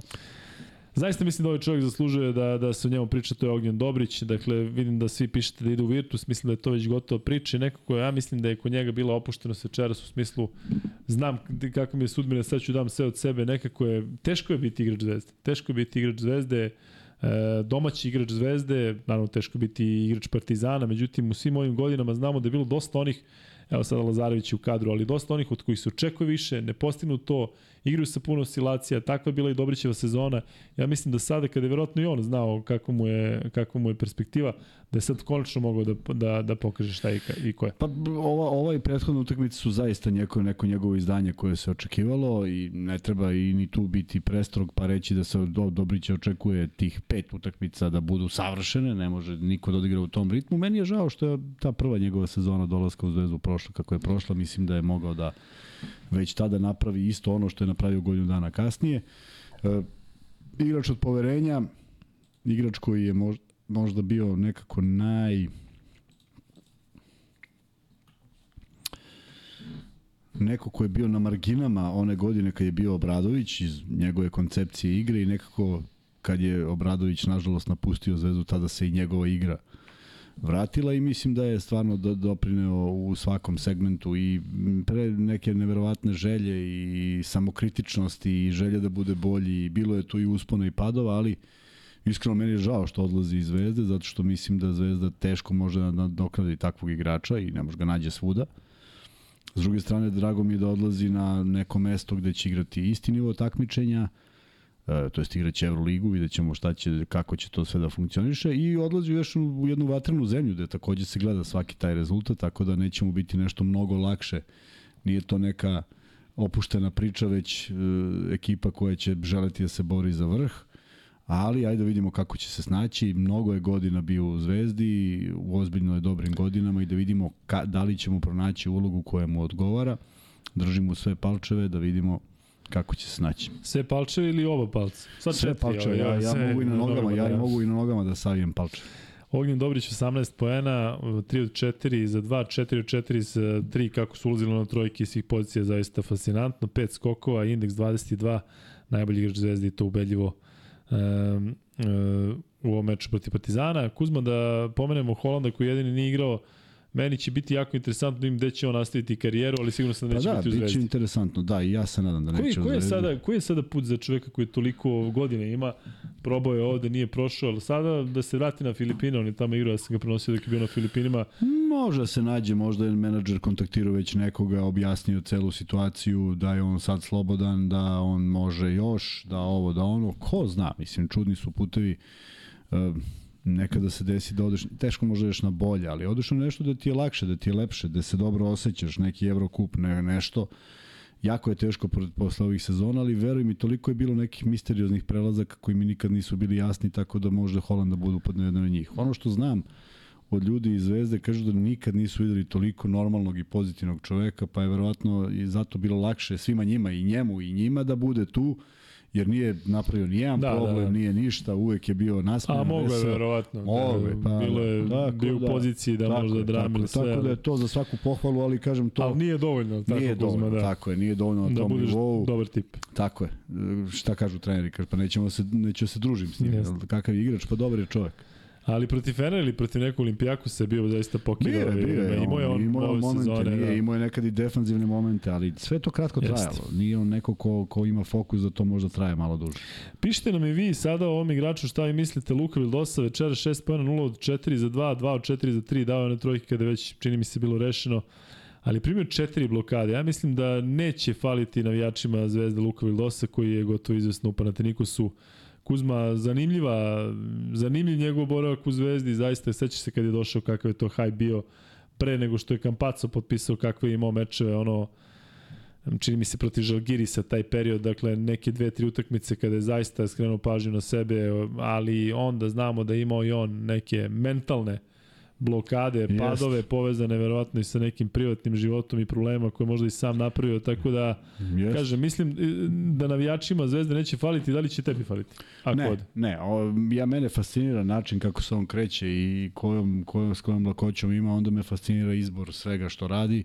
Tako da ako bih vagao da li sam bio više ushićen ili nervozan, pre bih rekao ovo drugo, pa kad bude igrao za Panathinaikos neću se nerviram. Makar neću da se nerviram. E, Pakleno, brz igrač, e, ima tu neku anticipaciju dobru, često ukrade lopte, pa i danas ukrao nekoliko, e, ali nepredvidiv. Stvarno ne znam šta će se desi i taj, ti njegovi poeni su rešili četvrtu utakmicu, a, a ja bih molio da, znaš, kad bi mogu da uzem tajmo, da kažeš, samo te nemoj to da uradiš. Međutim, eto, pojavio se tu, spaso zvezdu u mnogim utakmicama, ne mogu da kažem da nije ostavio dobar utisak, ne moram da kažem da ga igrači nisu, da ga navijači nisu zavoleli. Sve je bilo okej, okay, sem tog nekog pada koji nema veze s košarkom i ne možemo pričamo i naravno činjenice da malo, malo pa utrči u slačionicu jer mu, jer mu se nešto da, desi bilo je problema, da, možemo da kažemo da je on imao i zadnja nekako, loža. Sad i... ja ne znam, nikad nisam pratio da li ista loža, da li na istom mestu ili nije, ali ako, ako ne zaleči to u ovom periodu pauze, onda će imati problem i, na, i, i dalje. E, Kuzma, ja ne znam gde se Vilosa šiša. Dakle, jasno mi je da u Argentini sam pa da sam se šiša. Znaš, ono što on i Dek rade i svi Argentinci, Rikelme i te frizure, ja ne znam kome je to lepo, ali on Mora nekom nešto da kaže. Kako on objasni nekom srpskom frizeru, ej, napravi mi ovo, ili pokaže pa neku sliku. On mu je objasnio pogrešno, da. a onda mu mu je šišao ovako. I, I onda on rekao, ovo je ipak dobro, tako da ću to da zadržim. ne, on kaže, možda vratiš malo, ne može. Ali ko je, ti rekao kako mu je bela glava? Moguće da čovjek ima ovako belu glavu? Pogledaj, neverovatno. Sija čovječ. Vildosa, ja ti želim sve najbolje u nastavku karijere i želim je, da je zanimljivo, lepo bravurama u nekom drugom klubu. Jest, lepo e, iskustvo. Kuzma, dolazimo do drugog Argentinca za koju misliš da ćeš reći da želiš da ostane. To je Facundo Dobro, Campazzo. znamo da ne ostaje, ide sigurno, gotovo je, to sada sve. Gotovo, Da, mislim da jeste. Ja mislim Ove, da ja baš mislim da Žao mi je zašto tu energiju teško da ćemo ponovo gledati. Jest. Možemo da pričamo i o promašajima i o svemu i da li je to bilo prosto e, čovek koji je dao sve od sebe. Tako mi deluje, za mene već dovoljno. Da li bio na nivou nečega što smo očekivali? Pa jeste, jednu i po utakmicu, danas nije ponovo bez obzira što je imao tu želju, što je bio glavni pokretač, ali očigledno da uloga koju je imao, koja je ipak iznuđena u zbog činjenice da je i on došao naknadno, pa onda činjenica da se od njega očekivao neki bum kad on dođe, pa kad dođeš ono ne bude bum, pa ti već nije dobro, pa hoćeš da nastaviš da treniraš duplo više i sve to, a mislim da on u tom segmentu jeste onako vrlo profesionalan i želi da napreduje i želi da pobeđuje. Zaista mislim da nećemo gledati igrača te energije uskoro. A, mislim da mu je mnogo toga nije išlo na ruku. Pitanje je kako bi Zvezda izgledala da je on počeo da igra onog dana kada je Zvezda registrovala Kampaca, a ne tri meseca kasnije, tako da sve je to uzelo smaha i ne nalazi se u ulozi u kojoj smo mi njega gledali u realu. To se valjda slažeš, on je šutirao od 4 do 7 lopti, a nikad nije šutno 15 lopti. Što je nekako vidjet ćemo kako će to u realu izgledati, pošto uh, njegov problem je problem visine. I video si, on se stušti u reke, to obiđe čovjeka kao da ga nema, ali odjednom tu četiri čoveka koji ga čekaju svaki na svojoj strani, treba naći rešenje kad kad ga nađe, kad kad ne, ali ja sam uživao što je bio kod nas i što smo mogli da gledamo uživo i meni to dovoljno. U nezahvalnoj situaciji zaista ako je to što je izvesno se ostvari sa Realom, Real je osvojio titulu šampiona, dakle teško da će to ponoviti naredne godine, on sada dolazi, treba tako da je. menja ove, ove domaće ikone, tako da ne znam, ovaj, ni kako će sve to izgledati. Moguće da će u jednom trenutku da, da zaželi što je otišao iz Zvezde, ako ode, ali moram priznati da se... Ali onda ćemo kažemo, nema, nema sada da, više. Sad E, malo pre neko pitao ko bi mogao da zameni Pantere, Kuzme ranije govorio o tome da zaista nema alternative za Kampaca. Dakle, ja sam govorio o tome kako bi volao da vidim Dragića, zato što on ipak igrač sa ovih prostora, momak koji ima takve veze sa Srbijom, ima ovde i rodbinu Požarevcu, znamo da insistirao da ono će u NBA ligi bude pravo će i kažem, volio bih njega da vidim zašto mislim da ima još šta da da i da je on možda neka najbolja alternativa, bilo neki priče da bi možda Zvezda mogla da, da dovede Slukas, ali to je i više nego nerealno, ali eto, takav neki tip igrača koji je zaista siguran, znaš šta od njega očekuješ, šta dobijaš. Što se tiče Fakunda Kampaca, moram reći za kraj da nikada ni jedan igrač nije bio u ovoj situaciji u kojoj on bio, da dođeš iz NBA lige, dobiješ 3 meseca suspenziju kada si zdrav, prav, kada treba da da ovaj da kažem ne, ne, ne možemo da uporedimo sa bilo čim Nisam, svaka da. čast kako je sve to izneo mislim da je bio ovaj ali to su stvari za nauk zvezde i da da se Jest, te stvari da. više ne ponavljaju bez obzira ko je tu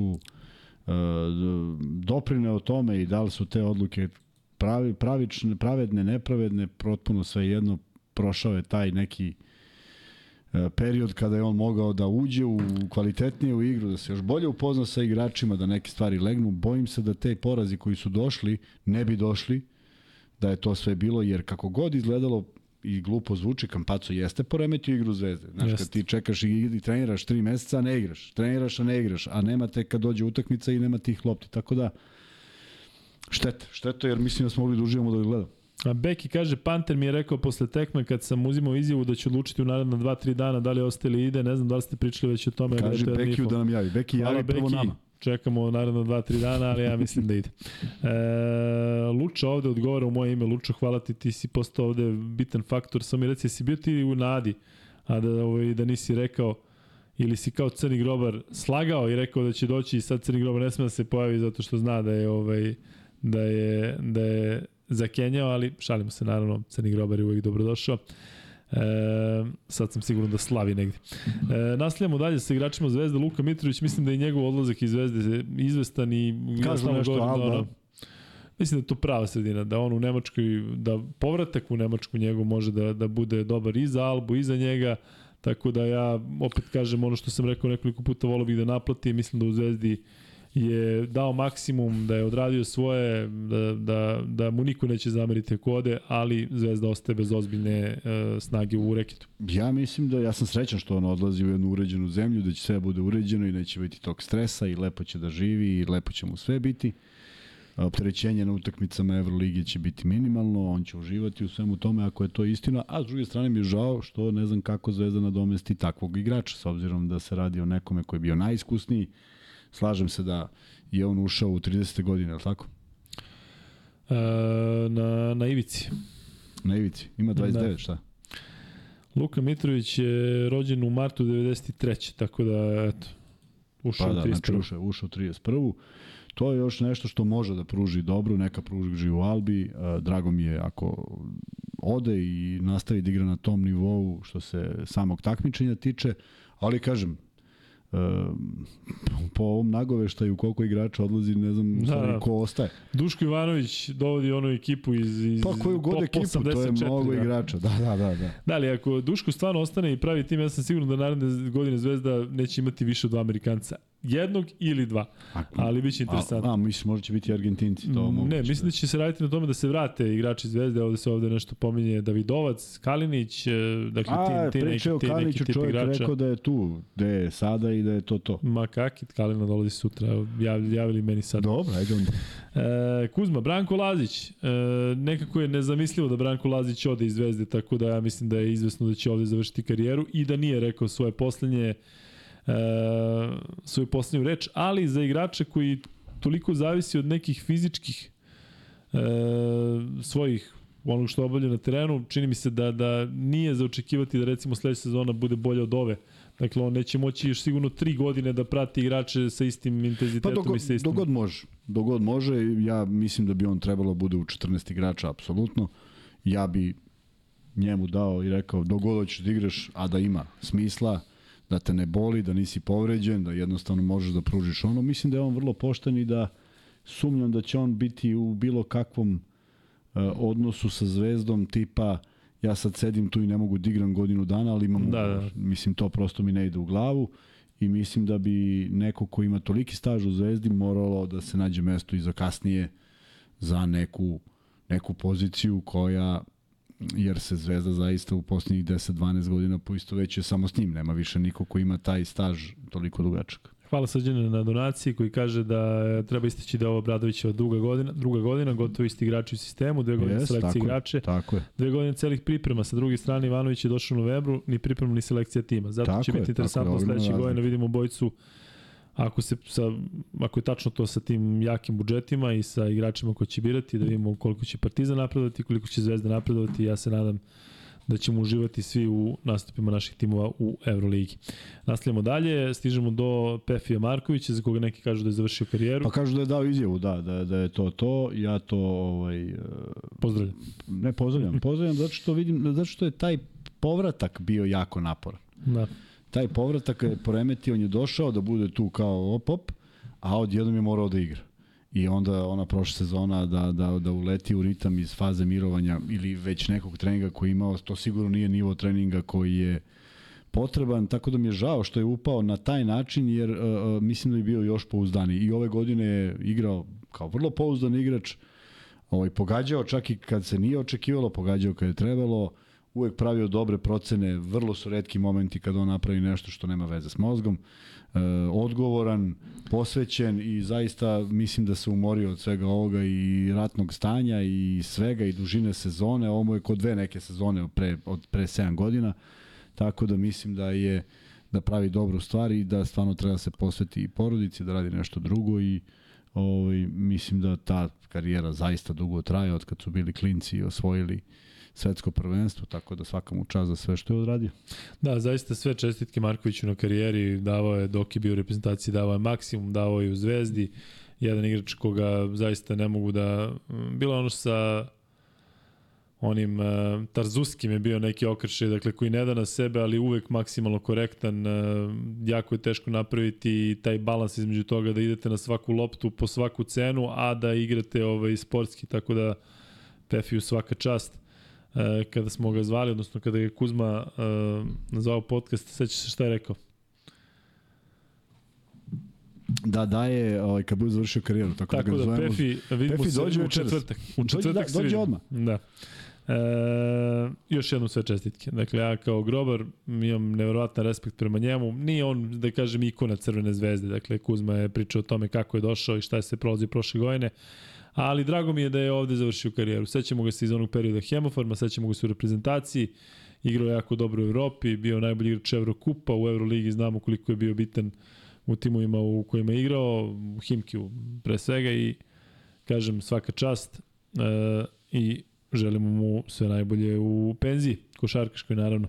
Kuzma, Hasan Martin na ekranu, Hasan Martin je ovde na, na ekranu, e, odnosno na monitoru laptopa, još jedan igrač za koga ja mislim da je izvesno da neće ostati u Zvezdi, ali opet taj momak je takođe bio povređen i u, ovakvom, u ovakvoj kombinaciji stranaca, tih Amerikanaca, čak i možda ostavio i, i bolji utisak od Holanda, možda čak i od Bentila. Pa od Bentila teško, pošto Bentil ipak nešto i pogodio. O, stvarno nije mu, nije mu nešto išlo od ruke i danas, evo, sad gledamo izgubljenu loptu i gledamo jednu konfuziju gde, gde mi najviše mi smeta što mu Exum tri puta na prethodnoj utakmici daje koš telom uz telo sa rollingom nego što on sad nije dao neke poene.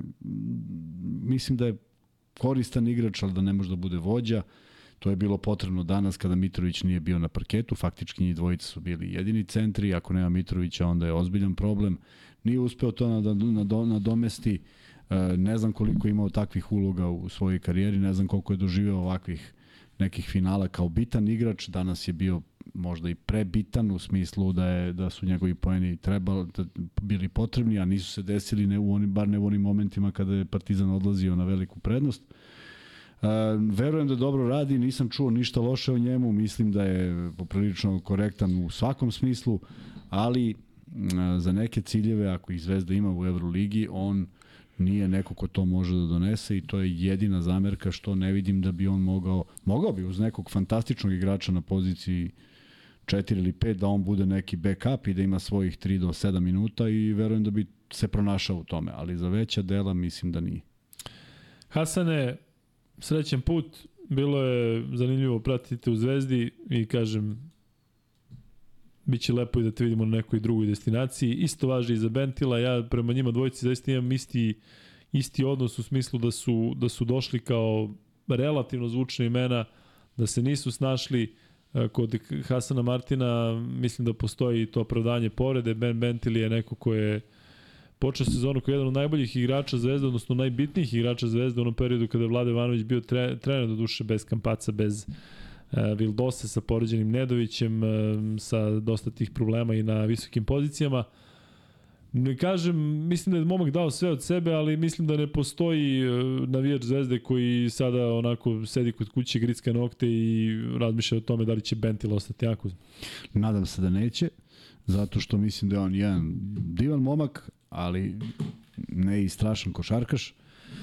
E, ono što nismo znali o njemu smo saznali da jednostavno ne voli kontakt, nije tip igrača koji voli da igra ispod koša, što je Zvezdi ove godine bilo preko potrebno i danas izuzetan u nekim tim napadačkim momentima kada treba se šutne trojka, ali onda znaš da ako se promaši nema ko to da pokupi s obzirom da je igrao na pozicijama gde bi visina bila veoma značajna. E, mislim da je imao dobre momente u ovoj sezoni, naročito onim momentima kada je bio jedan od bitnijih igrača kao što bi logično bilo kad dovedeš stranog igrača da bude, ali to ne bi donalo rezultat. Dakle, onog momenta kad je on sveden na neku minutažu da ga u pojedinim utakmicama nije ni bilo, onda je Zvezda mogla da igra jer je on dobio jedan drugi zadatak. Ivanović je pokušao potpuno treći zadatak s njima, to je da igra post-up igru, da daje poene iz reketa, što nikako nije išlo, pa čak da li ga čuva viši ili niži, bilo je potpuno sve jedno. Naravno, bilo je momenta kad je on te poene davao, kao danas kad se okrenuo i dao dvojku, ali je onda primio bananu. To je strampu od, od Le, Lesora u istom pokretu, jer jednostavno nije navikao i ne voli da se bije pod obručem, što nismo znali, jer da smo znali, možda se ne bi nervirali. Tako je. I Benu Bentilu želimo sve najbolje. Sve on najbolje. je bio zaista dobar večeras u smislu dao je tri trojke u onoj seriji, 15 poena, on je bio drugi strelac Zvezde, imao indeks 15. Tako kaže, dakle, nije nešto uradio. Jeste, da, ali mislim da Ivanović neće ono noću da, da, da plače u jasno. Ne možeš, ne, ne možeš prosto ovaj, neke stvari da, da, da, da, da ne primetiš da, da je Ledej na trećoj, četvrtoj ili drugoj, prvoj, ne znam, utakmici prodile do kraja, daje lagane poene, da nema tesnost, čvrstine u odbrani, da uvek pravi kontakt rukom kada može da svira faul. Sve su to stvari koje reket čine poroznim. Dolazimo do jako zanimljivih imena i volili biste mu da čujemo i vaše mišljenje. Filip Petrušev, 7 poena u majstorici, e, dve promašene trojke, 5 od 8 sa penala, što i nije loše u areni koja, koja onako zviždi i onako je bučna. Jedan od dva za dva. Kuzma, ja bih volao da on ostane, ja bih volao da on napreduje, međutim čini mi se da on u zaista sada već toliko očigledno previše mekan za, za neke duele. Kako to popraviti, kako to izmeniti? A, to će ga popraviti tamo kada ga budu naterali da, da mu objasne da će igrati samo kad bude bio čvršći, a to je onda drastičnije jer nema kome da se požali u NBA ligi. Kažu da je Filadelfija već Jeste, da piše. završila s njim. A, Završila dogovor s njim. iskreno, ovaj, a, razmišljao sam koliko sam želeo da ostane u Zvezdi, da ima još tu jednu godinu, da ode kao neko ko je napredovao i ostvario nešto. Evo, današnja utakmica, ko želi nek pogleda tu prvu četvrtinu, koliko puta je zakasnio na šut za 3 poena, to je prosto neverovatno. Dakle, vraćamo se na početak sezone gde je on bio kao neko ku koga su uprte oči, pa je bilo ajde nemoj da, da, da dečka dirate kada je Mirotić dao trojku, onda je Ilja, Ilja Sova, Ilja Sova se zove. Jes, ova nije. Sigurno. Kako zove? Ko? I Žalgiris. Iljanovo, Iljanovac. Uljanovac, da. Onda je Uljanovac dao trojku na isti Uljanovac. način i onda smo tako pričali o momentima, a evo danas ih je bilo tri. Jednostavno neke stvari ne idu svojim tokom, mislim da um, kad nešto ne želiš da prihvatiš, prosto i ne prihvatiš. Uh, bilo je momenata da je bio maestralan, bilo je tu nekih zakucavanja koja su bila fantastična, bilo je danas prodor protiv Smajlegića koji se nije završio nigde jer je ispao s loptom u aut, što je neverovatno. I tako neke stvari nije napravio napredak koji sam očekivao jer verovatno ima malo razmišlja i kako šta bi on voleo da, da, da, da projektuje o sebi i kako bi on voleo da igra. Očekivao sam zaista da će biti jedan od dominantnijih igrača u ovom finalu, imao je sve minute ovog sveta, imao je sve pozicije, otvori utakmicu dva zakucavanja, ajmo sada na gostujućem terenu to isto.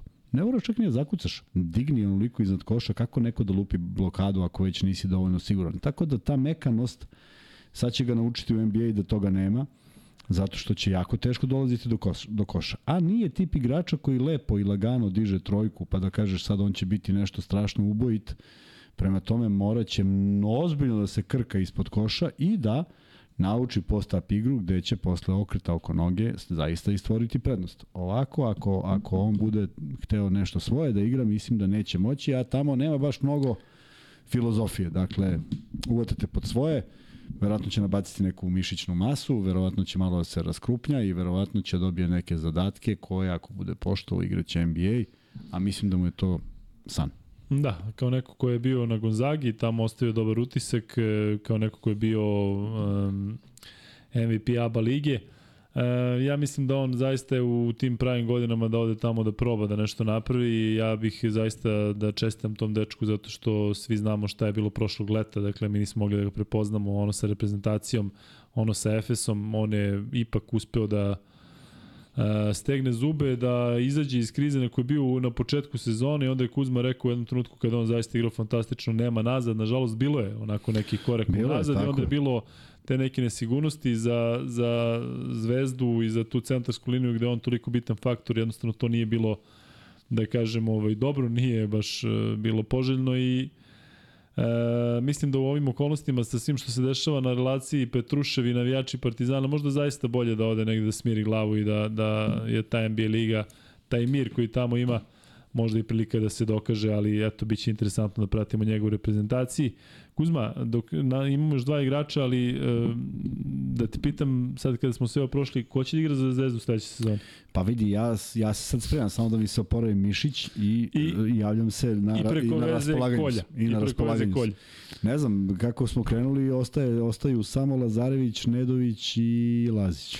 Stižemo do Lazarevića i Nedovića. Lazarević, ja ne znam da li je u njemu interesu da ostane, da li kako, koliko može sledeća sezona da bude bolja, ako je bolja, ne mislim da može da bude mnogo bolja.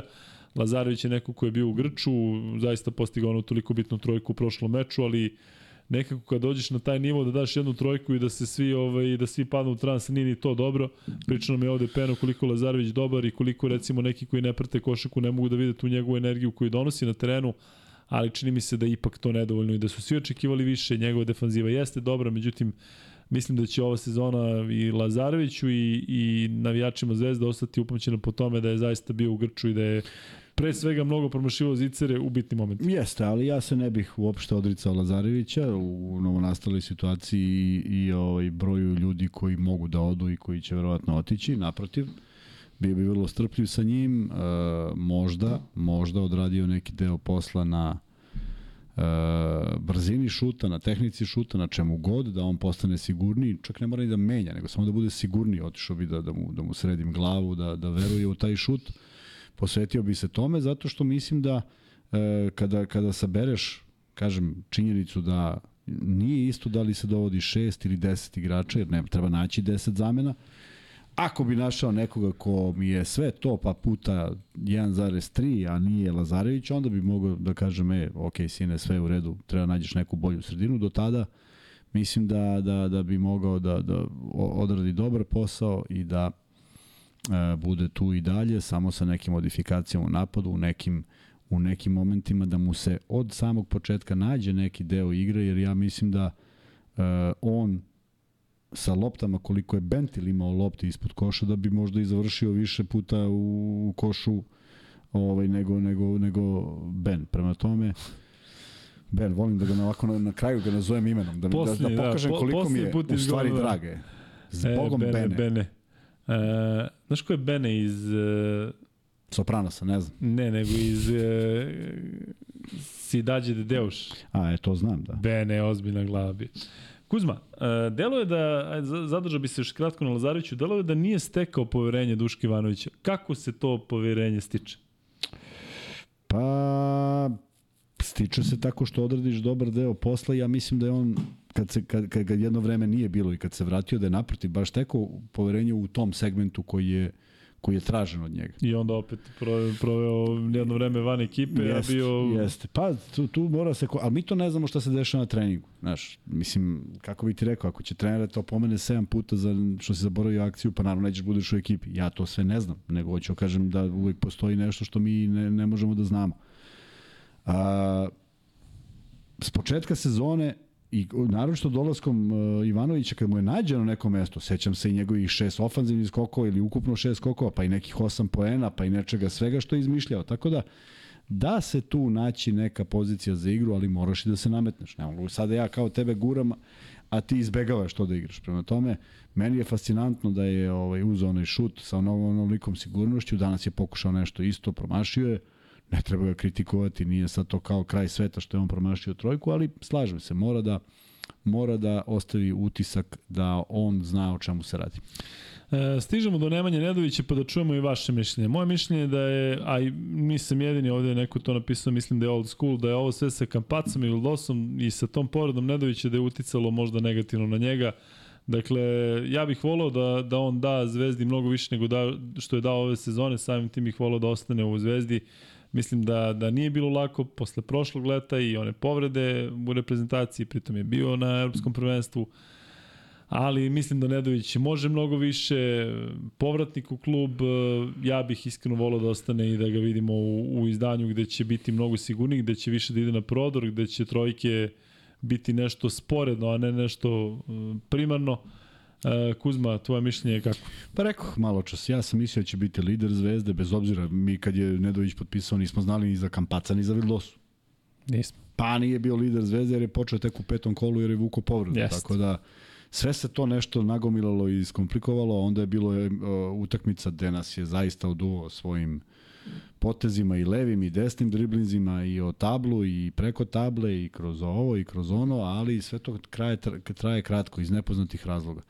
Da li je bilo nekih nesuglasica, ne znam. Ako su postojale, nisu dobre, zato što je on faktički sad kad smo došli do kraja jedini igrač, jedini igrač koji je tu. Mm, da. Tako da ne bih voleo da i to malo igrača koje, koje su ostali da li ovaj, da budu u nekom problemu ili nekom u nekim lošim odnosima. Nadam se da će to sve biti sređeno. Volao bi da se on zaleči, pa čak i da ne bude na spisku za reprezentaciju, tačnije da ne ode na e, svetsko, e, mislim da bi mu možda bolje, da bi mu više značilo e, samo poravak za ovu sezonu, a onda da nešto što očigledno ove godine možda i zbog povreda i gomile igrača na toj poziciji nije išlo, da on to promeni sledeće. Ja i dalje verujem da on ima predispozicije za to, samo ako ima to i, i, i, i ne, ne mogu sad da kažem samo želju, sad ja kao želim, nego da ima taj fokus i taj kapacitet mentalni da iznese da bude glavni igrač. Ne verujem da mu ne bi prijalo da je u medijima i u košarkaškoj javnosti on upravo taj. Možda mu je smetalo što nije, ali kažem, gledajući sve, sve ekipe u kojima je igrao, upravo igrao nešto slično što je igrao i ove sezone. A to je e. malo nedostatak odgovornosti. Reći ću ti na šta mislim. Onog momenta kad se Zvezda vraća u život i Nedović ima loptu i kreće, pa se saplete, pa mu ispadne, pa dođe, ne možeš da dodaš Petruševu na 3 sekunde do kraja da on reši trojkom. Kako si se iznervirao? Pa prosto kada... ne možeš jer nema nikakav smisla. Kozma kao, pada u, u dramu. Jedino što, bi, jedino što bi bilo gluplje, to je da dođeš do njega i ovako da mu daš loptu. Evo, ovako, aj sad šutni. Jer to, to, to se ne radi. Tako da uzmeš odgovornost, odeš, onda je otišao, što je najsmešnije, otišao pored Smajlija pa pogodio tablu. Pa nije ni to, mora da uđe ta lopta u koš, moraš neki faul da iznudiš. Tako da nekako mi deluje da je to sve ne mogu kažem nonšalantno, ne mogu da kažem da ne želi, ali, ali ta, baš upravo ta reč, nedostatak, kao nema veze ako promaši. Ma ima veze. Baš ima veze. U tom momentu baš ima veze. U tom momentu baš svi hoće tebe da vide da uzmeš loptu. I ako ti ne rešiš, onda kažeš, ej, okej, okay, ali verovali, verovali smo da je on, taj nije uspeo, pa ne uspeva svako. Ali ne Petrušev, u tom trenutku trojku. Kad si poginuo da dođeš do šest razlike, pa to je moglo, što onda ne Bentil? Što onda ne, ne gađaš? On je bar vezo dve trojke. Pa daj onda nađi njega negde. Ili sačekaj ako nije u igri da uđe u igru, pa njega onda gađa da šutne tu trojku iz pika. Tako da mora o tome da se razmišlja ako, ako imaš ideju gde ćeš i šta ćeš. E, šefe, stavi pol da čujemo šta kažu i naši gledalci, pošto završavamo sa Zvezdom. Koga biste najradije zadržali u Zvezdi? Otprilike znam koga i stavi opcije Kampaco, Nedović, Vildosa. Kuzma, moramo da pomenemo i Nikoli Ivanovića koji nije bio ovde. Moramo da pomenemo dakle... su trojicu koji nisu igrali, stvari četvoricu. Tvori, ne da. moramo ništa u suštini. Ali Mi to ne moramo, ne da ne moramo, nego kažemo da moramo. Samo kažemo da moramo. Koji su četvorica? Ivanović, Ilić, Raduljica i? Kuzmić. Pusti Kozmićev čovjek bre. Gde da ga pustim čovjek? ne, ja bih više volao da on bio... Ovaj podcast, ja ovaj podcast i napravljen da bi moglo da se priča o Kuzmiću. Šalno strano, ja Kuzmića obožavam, dakle, njegov, njegov profesionalizam i sve ni meni nije jasno gde, a Kuzmi tek nije jasno. Kuzma da. po meni četvoricu nizu, a mi da vidimo ovde šta kažu. Četvoricu nizu, mislim da je već da duži ugovor potpisao Ilić i da nije bio loš ove sezone, da mora mnogo da radi, da bi se steklo poverenje u njega, ali mislim da ima uh, E, preispozicija, to je jedna brzina da igra sa tim lakim centrima, da može da ih čuva.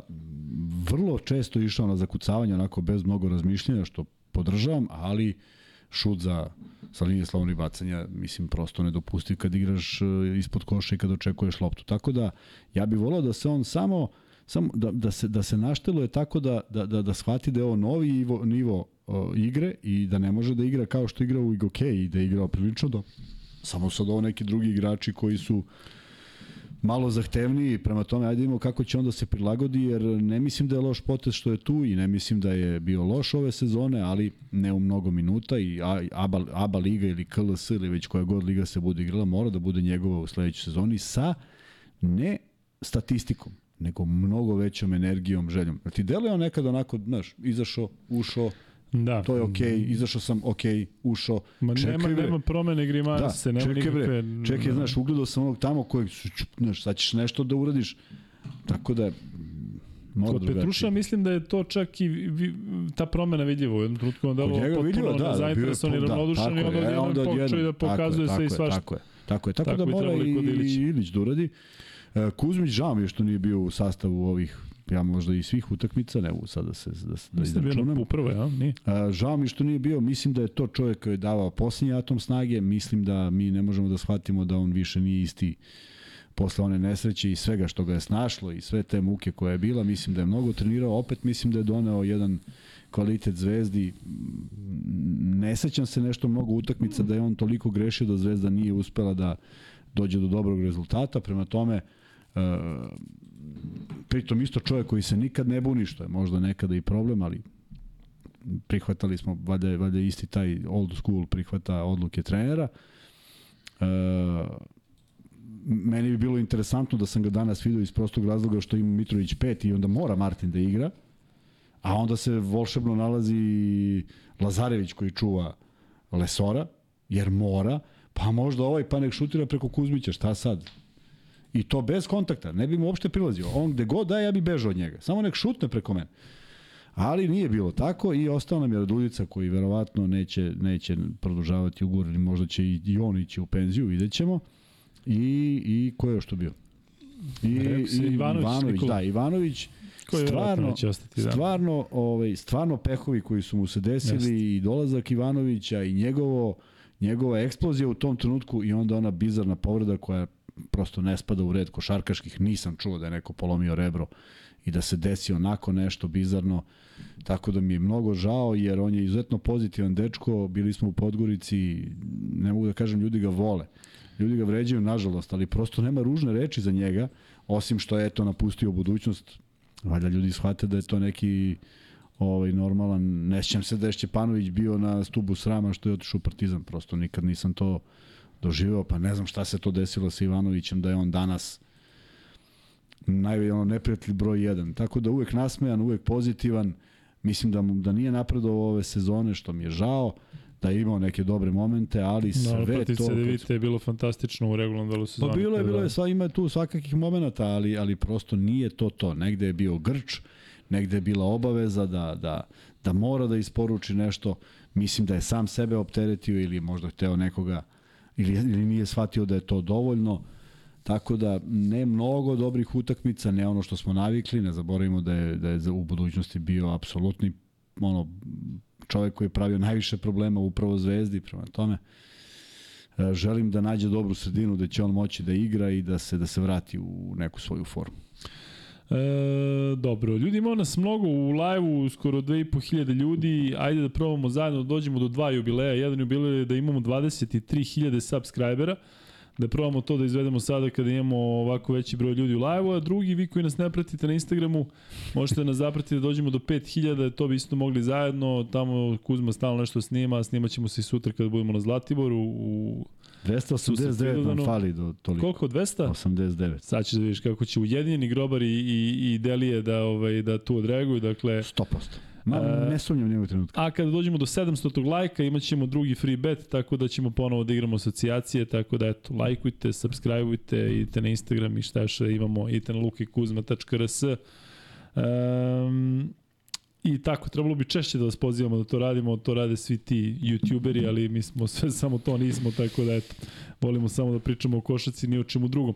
E, Kuzma, ti kao neko ko podržava Zvezdu i raduje se uspesima Zvezde, šta bi volao da vidiš narednih dana? Koje bi te vesti obradovale? Mnogo se priča o Mirotiću, možeš malo da zaključiš tu temu. E, Ne, to- šta to bi, su- ali, ali generalno šta bi ti sada u ovoj situaciji volao da vidiš tokom leta, ali kad kažemo tokom leta, mi govorimo u narednih nekoliko nedelja, nekako da klub rekao si da je bilo grešaka, koje bi voleo da se greške više ne dešavaju. Kakav je put ka, ka uh, uspešnoj sezoni naredne godine Zvezde? Put je da prek sutra čujemo vest da je Ivanović definitivno tu, bez obzira što je već potpisao ugovor. A? Što ne sutra? Šta ja znam? U nedelju, nedelju. Pa rekao si ovih dana, pa rekao ajde. Dobro. Obavezno u nedelju. Nedelju pre To ako se ne desi u nedelju, onda pada sve u vodu. Da nam iz Crvene zvezde saopšte da je Ivanović ostaje tu, bez obzira na ishod ove, ove sezone, da je imao izuzetno uspeha u Euroligi, da je sve to došlo na svoje i da će sledeće godine biti bolje i da je saopštenje da će u najskorijem periodu Zvezda izaći sa predlogom koji su to igrači, da će raditi sve da to bude konkurentna ekipa i da jedan od glavnih i odgovornih za sklapanje iste bude upravo Doško Ivanović. A sada kada je dominacija Zvezde prekinuta, očekuješ neke veće potrese, neke veće promene? Veće od odlaska ovih, ovog broja igrača. Da. Pa ne baš, ne znam šta bi trebalo da očekujemo. Ja i zagovaram da ima života posle svega, tako da um, ja sam imao čudan razgovor sa, sa Danilom Mitrovićem svoje vremeno u budućnosti kad smo jurili tu treću sezonu i uzeli da igramo i Jadransku ligu, i domaću ligu, i Evroligu. A ja sam prosto došao, ne zato što sam uvijek želeo da, da, da izgubim, nego sam rekao, a zašto ne napravimo, zašto mi ne pristupimo da pravimo presek? Zašto mi jurimo titulu? Ajmo da je stignemo, ali da je ne jurimo. Pa ne može, kaže, to mora. A ne možemo, nemamo čime da napadnemo titul. I ne možemo da je napadnemo sa 70 utakmica u momentu kada Partizan igra 30. Prosto nije bilo izvodljivo i zato smo izgubili to finale. Ali ovaj, e, mislim da nema neke, ne bi trebalo da ima neke drame ni sa sponzorima, ni sa bilo čim. Ono što sad svi treba da gledamo, to je da Euroliga saopšti svoje odluke i da vidimo da su Zvezda i Partizan tamo i da možda u nekom momentu neki zajednički nastup po nekom pitanju koji će možda da se tiče oba kluba, pa da vidimo i to čudo. E, što se tiče Partizana, ja bih zaista volao da se vrate neka dobro poznata imena. Priča se o Luči, priča se o Milutinovu, priča se o Vanji Marinkoviću, o Jaramazu, sve je to lepo, sve to lepo zvuči, ali ne znam koliko je zaista u praksi ostvarivo. E, volao bih zaista da vidim i neke povratnike poput recimo Veselog e, i sličan tip igrača koji su u Partizanu ostavili dobar utisak i uvek su e, rado viđena lica, Bertans ili tako nešto. Volao bih zaista da Drezgić dobije šansu i volao bih zaista da e, Partizan naredne godine ode korak dalje u Euroligi ili koji korak dalje. Zaista mislim da ova sezona bila e, posebna, istorijska, svaka čast zaista svima u klubu, ali uh, volio bih da ovo bude početak jedne dobre serije Partizana, da ne bude samo sezona koja će se onako izdvojiti kada da za nekih 5 ili 10 godina po, pogledamo nazad. Kažem, mislim da sve kreće od Željka Bradovića i zaista imam poverenje uh, imam poverenje u sve što on radi i što ekipa radi, tako da, eto, što se tiče Partizana i što se tiče Zvezde Kuzma, ali možemo izvanično da odjavimo ovu sezonu i da se onda uh, kratko osvrnemo na devojke koje su izgubile danas, da još jednom postavimo gde ćemo biti sutra, da podelimo free betove i da ovo trosatno druženje lagano privodimo kraju. Ali imaš još nešto za kraj ove sezone, pošto je zvanično gotova. Da li misliš da treba da najavimo ljudima ko bi mogao da nam bude gost u ponedjeljak ili još ne? Ne, imamo vremena. I ako budemo, ne ako budemo sutra idemo, pa možemo i odande uopšte. I zato nas pratite na Instagram. Da, šef, e, e, ti, Joe, imaš ovaj, e, ove video klipove što smo stavili za kraj? Ovo iz uh, Ljubljane. što smo prebacili iz Ljubljane. Je to Srki stavlja ili nešto? Kaže, kažu da su ubačeni u, na Slack.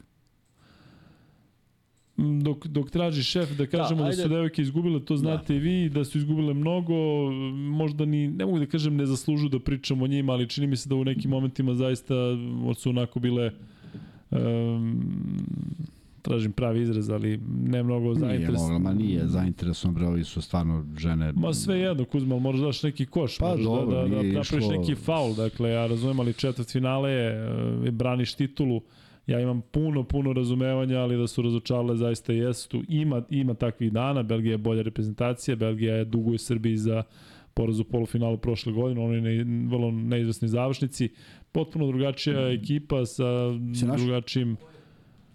Pa imamo tri. Imamo izjave, imamo kolegu Manojlovića. Čuje se sad nešto pozitivno. Ne, pa to, ali... ali... Jel to sad ide, a? Kada je najmanje trebalo, sigurno da nam je... Da, nemoj sada daješ. Minus bio na nedostatak. Nismo baš mislili...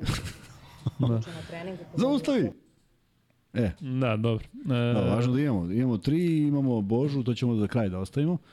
A, šta sam teo kažem za kraj sezona? Da, teo sam kažem da smo imali 37 pobjeda smo uživali srpskih klubova, uživali smo u 10 dobrih derbija. Uh, bilo je momenata koji su pretili da, da naprave veliko iznenađenje, naročito u play-offu i taj pad Partizana posle, posle Reala. Imali smo Partizan koji je bio na korak od velikog uspeha i plasmana na Final Four.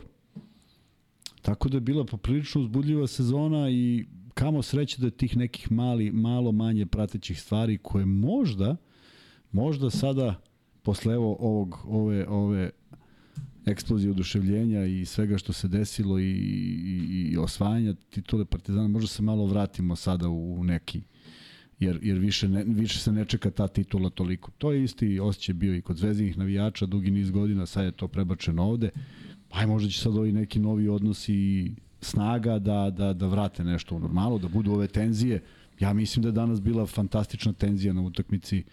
Ja mislim da je i prošla utakmica bila fantastična u toj nekoj tenziji koja je prevladavala, ali da nisu izašle iz okvira. Dakle, može da se ne izađe iz okvira na bilo koji način, ajde da probamo da ne izlazimo. Sad znam, ima sad svih teorija i priča se kako su zvezdini igrači dočekani i bacali petarde, onda ovi vrate pa kako je bilo ovde i tako.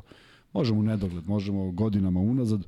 Ajde sada da vidimo da li možemo da napravimo neku atmosferu koju bismo svi preželjkivali. Zamisli jednog dana u areni Zvezda Partizan, ono Zvezdini i Partizanovi. Zaista kako bi to u stvari bilo dobra stvar. Nema od toga ništa. Pa dobro, nema, ja... Za ja- 10 godina možda, ali posle nekih Ne, ne mislim, ozbiljnih, drastičnih promena i... Ne znam ni šta bi tu moglo da se Da. desi, ali, Ali bilo bi divno. divno da. Da. E, Kuzma, ima još nekoliko tema koje moramo da prođemo, ali evo ja bih za kraj rekao zaista da se zahvalim svima vama, ali i Zvezdi i Partizanu što su i ovu sezonu učinili posebnom. Nekako se nama potrefilo da, da, da zaista nakon onog evropskog prvenstva u ovoj sezoni uživamo u toliko mečeva u Euroligi. Nadam se da će se sledeća sezona biti još bolje i za jedne i za druge i nadam se da ćemo i na ovom svetskom prvenstvu koje sledi da, da, da napravimo neki uspeh. Toliko puta smo govorili kako planiramo da radimo, ali evo, E, sada ćemo napraviti pauzu do ponedeljka, nema potrebe da radimo više od onog ritma ponedeljak četvrtak, snimat ćemo i snimamo i neke emisije ovaj, e, za, za štek. Tako da, da možete da nas gledate u julu kada ćemo definitivno biti e, na pauzi što se tiče live, ali će emisija ići i još ćemo o tome pričati o tom potom. E, I kažem još jednom, zaista neverovatna sezona, E, Kuzma i ja smo toliko puta bili umorni, a toliko nas je puta radilo to da, da ovaj, pričamo sa vama. I sad smo I umorni. zaista, ali, ali ovo, pitam neko, pa kako, što nije veći osmeh?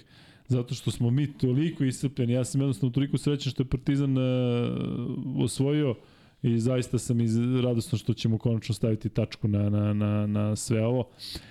E, Kuzma, e, toliko što se tiče Partizana i Zvezde, ajmo kratko, pa pre nego što pustimo ove klipove, igra se sedma utakmica Armani Virtus, to je jedina Da, liga da, koja je otišla jest. posle, posle ove naše. Jedina koja je u četiri utakmice. Da, četiri- nema četiri pobede, da. Četiri pobede. Da. Da, dobro, lepo, lepo, zato što je, pokazuje se i tamo taj neki veliki rivalitet. Opet, e, i tamo je bilo nekih stvari koje nemaju veze s košarkom, ajde da vidimo kako će završiti ta utakmica, da li, e, pošto ni tamo nema brejka, da li mi ne potpadamo pod onu kategoriju da se samo kod nas ovo dešava, nego da je to jednostavno neka, neka veća normalnost, na, za razliku od njih, e, Real nije uspeo ni tu jednu kod kuća dobije, tako da imamo i jedne i druge Nemoj različite primere, onda imaš povratak Fener, e, Efesa protiv Fenera, a onda oduvavanje Karšijake, tako da o, interesantna košarka se igrala, vidjet ćemo Jeste.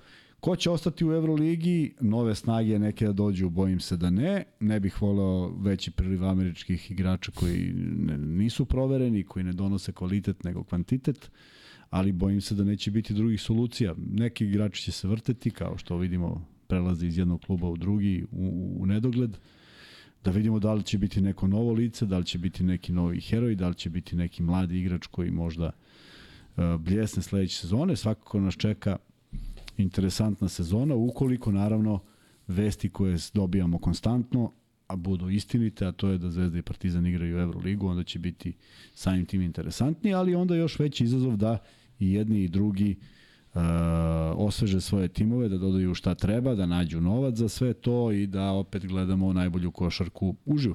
Koliko nam fali subscribera do 23.000 da vidimo da li je ovaj moj apel uh, možda uradi Koji apel plodom. trebalo nam 289. Ma bre, ljudi hoće da učine večeras, je to i poseban dan. Još 16. Jeste, još jedan nam fali.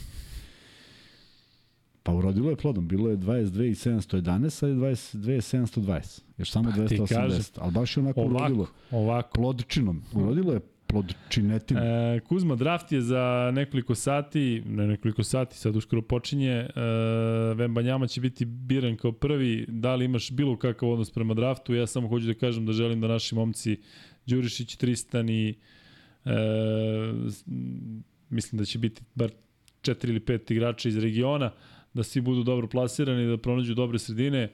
Kuzma, tebe draft interesuje vjerojatno koji Draft pivo, ovo koje ima dole kod Marka. ima draft bio, a? Ima. Nemaš više šta da kažeš o tome.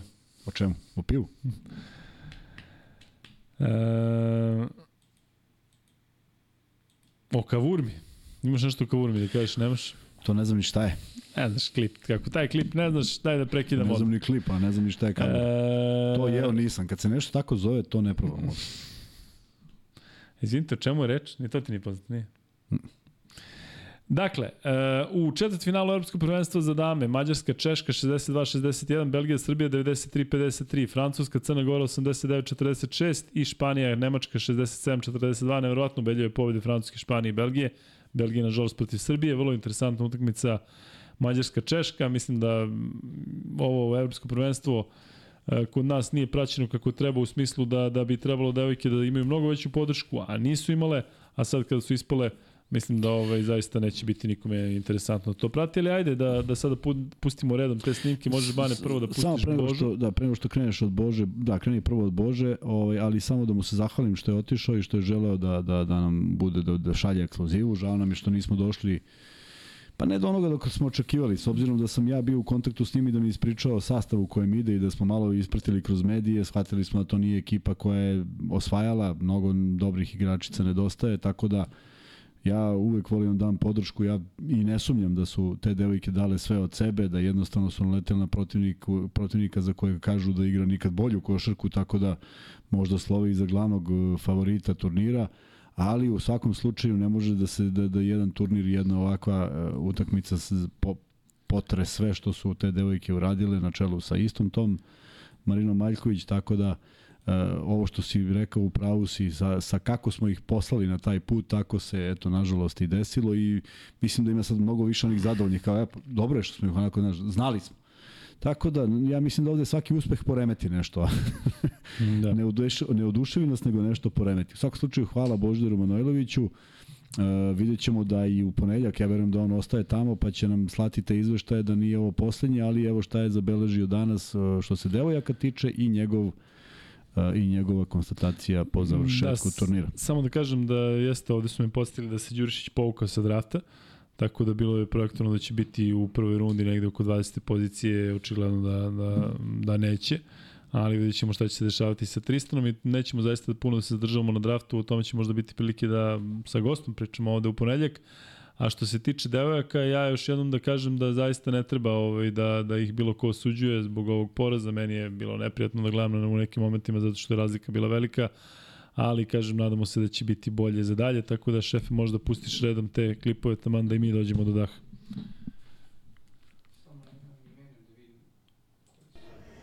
Tako da, ovaj, nadam se da vaša podrška neće izostati, kao i podrška svih navijača. Uh, mi ćemo nastaviti da se borimo i stvarno da uradimo sve što možemo. Tako da, ovaj, nadam se da vaša podrška neće izostati, kao i podrška svih navijača. Uh, mi ćemo nastaviti da se borimo i stvarno da uradimo sve što možemo. Tek poslednji napad, onako malo izgledao, kao i cijela utakmica. Nije, ovo je staro, pa staro pa, Jeste, mislim, ja sam taj promašila taj koš. Ništa. Pokušala sam. Ali ja sam sve to poslao i rekli su da je na slak. Da je, tu je. Ništa, gasi. Da. Ne, ovo nema veze sa Belgijom. Šta je bio najveći Nemoj da puštaš, pa nemoj da isto puštaš, gasi ga. Sve što su ubacila na kraju um, mi jednostavno moramo da shvatimo sa ovim timom Prekini to, to je to. Uh, da naša um, agresivnost mora biti na dosta većem nivou. Ok, ugasi ga, nema veze. Nemoj da ovde bez veze ide. Od toga se počinje. Uh, Marina nam je čisto rekla šta Ne, ovaj, nismo, nismo našli taj uopšte, uh, ja ne znam zbog čega je došlo od toga kada sam poslao sva tri, ovo je od prethodne ovaj, Utakmica, izvinjamo se, jesi našao možda, nisi? Dobro, još se učimo, zato moramo se izvinimo, nažalost, ali objavit ćemo objavit ćemo na, kao video snimak uh, izjavu Božira Manojlovića i spojit ćemo sve to što su devojke pričale i kažem još se vežbamo i nadam se da ćemo se uvežbati da možemo da uradimo kad god poželimo. Kažu da su stavili, ali nisu, a nije ni važno. U svakom slučaju, ovaj, ovo je već koliko traje 3 sata, preko 3 sata druženja s vama. E, stavit ćemo na video snimak Božidara Manojlovića i izjave igračica i Marine Maljković do ponedeljka kada se viđamo ponovo. Umeđu vremenu pratite nas i pratite šta objavljujemo. Zanimljivo je, bit će interesantno da vidimo kako izgleda taj hotel u kojem još nismo bili, pa ćemo to podeliti s vama, a vi koji ste dobili nagradu i koji budete išli, uradite isto, čisto da se zahvalimo i Galensu, a i da vidimo kako to sve izgleda. Laka vam noć i vidimo se u ponedljak.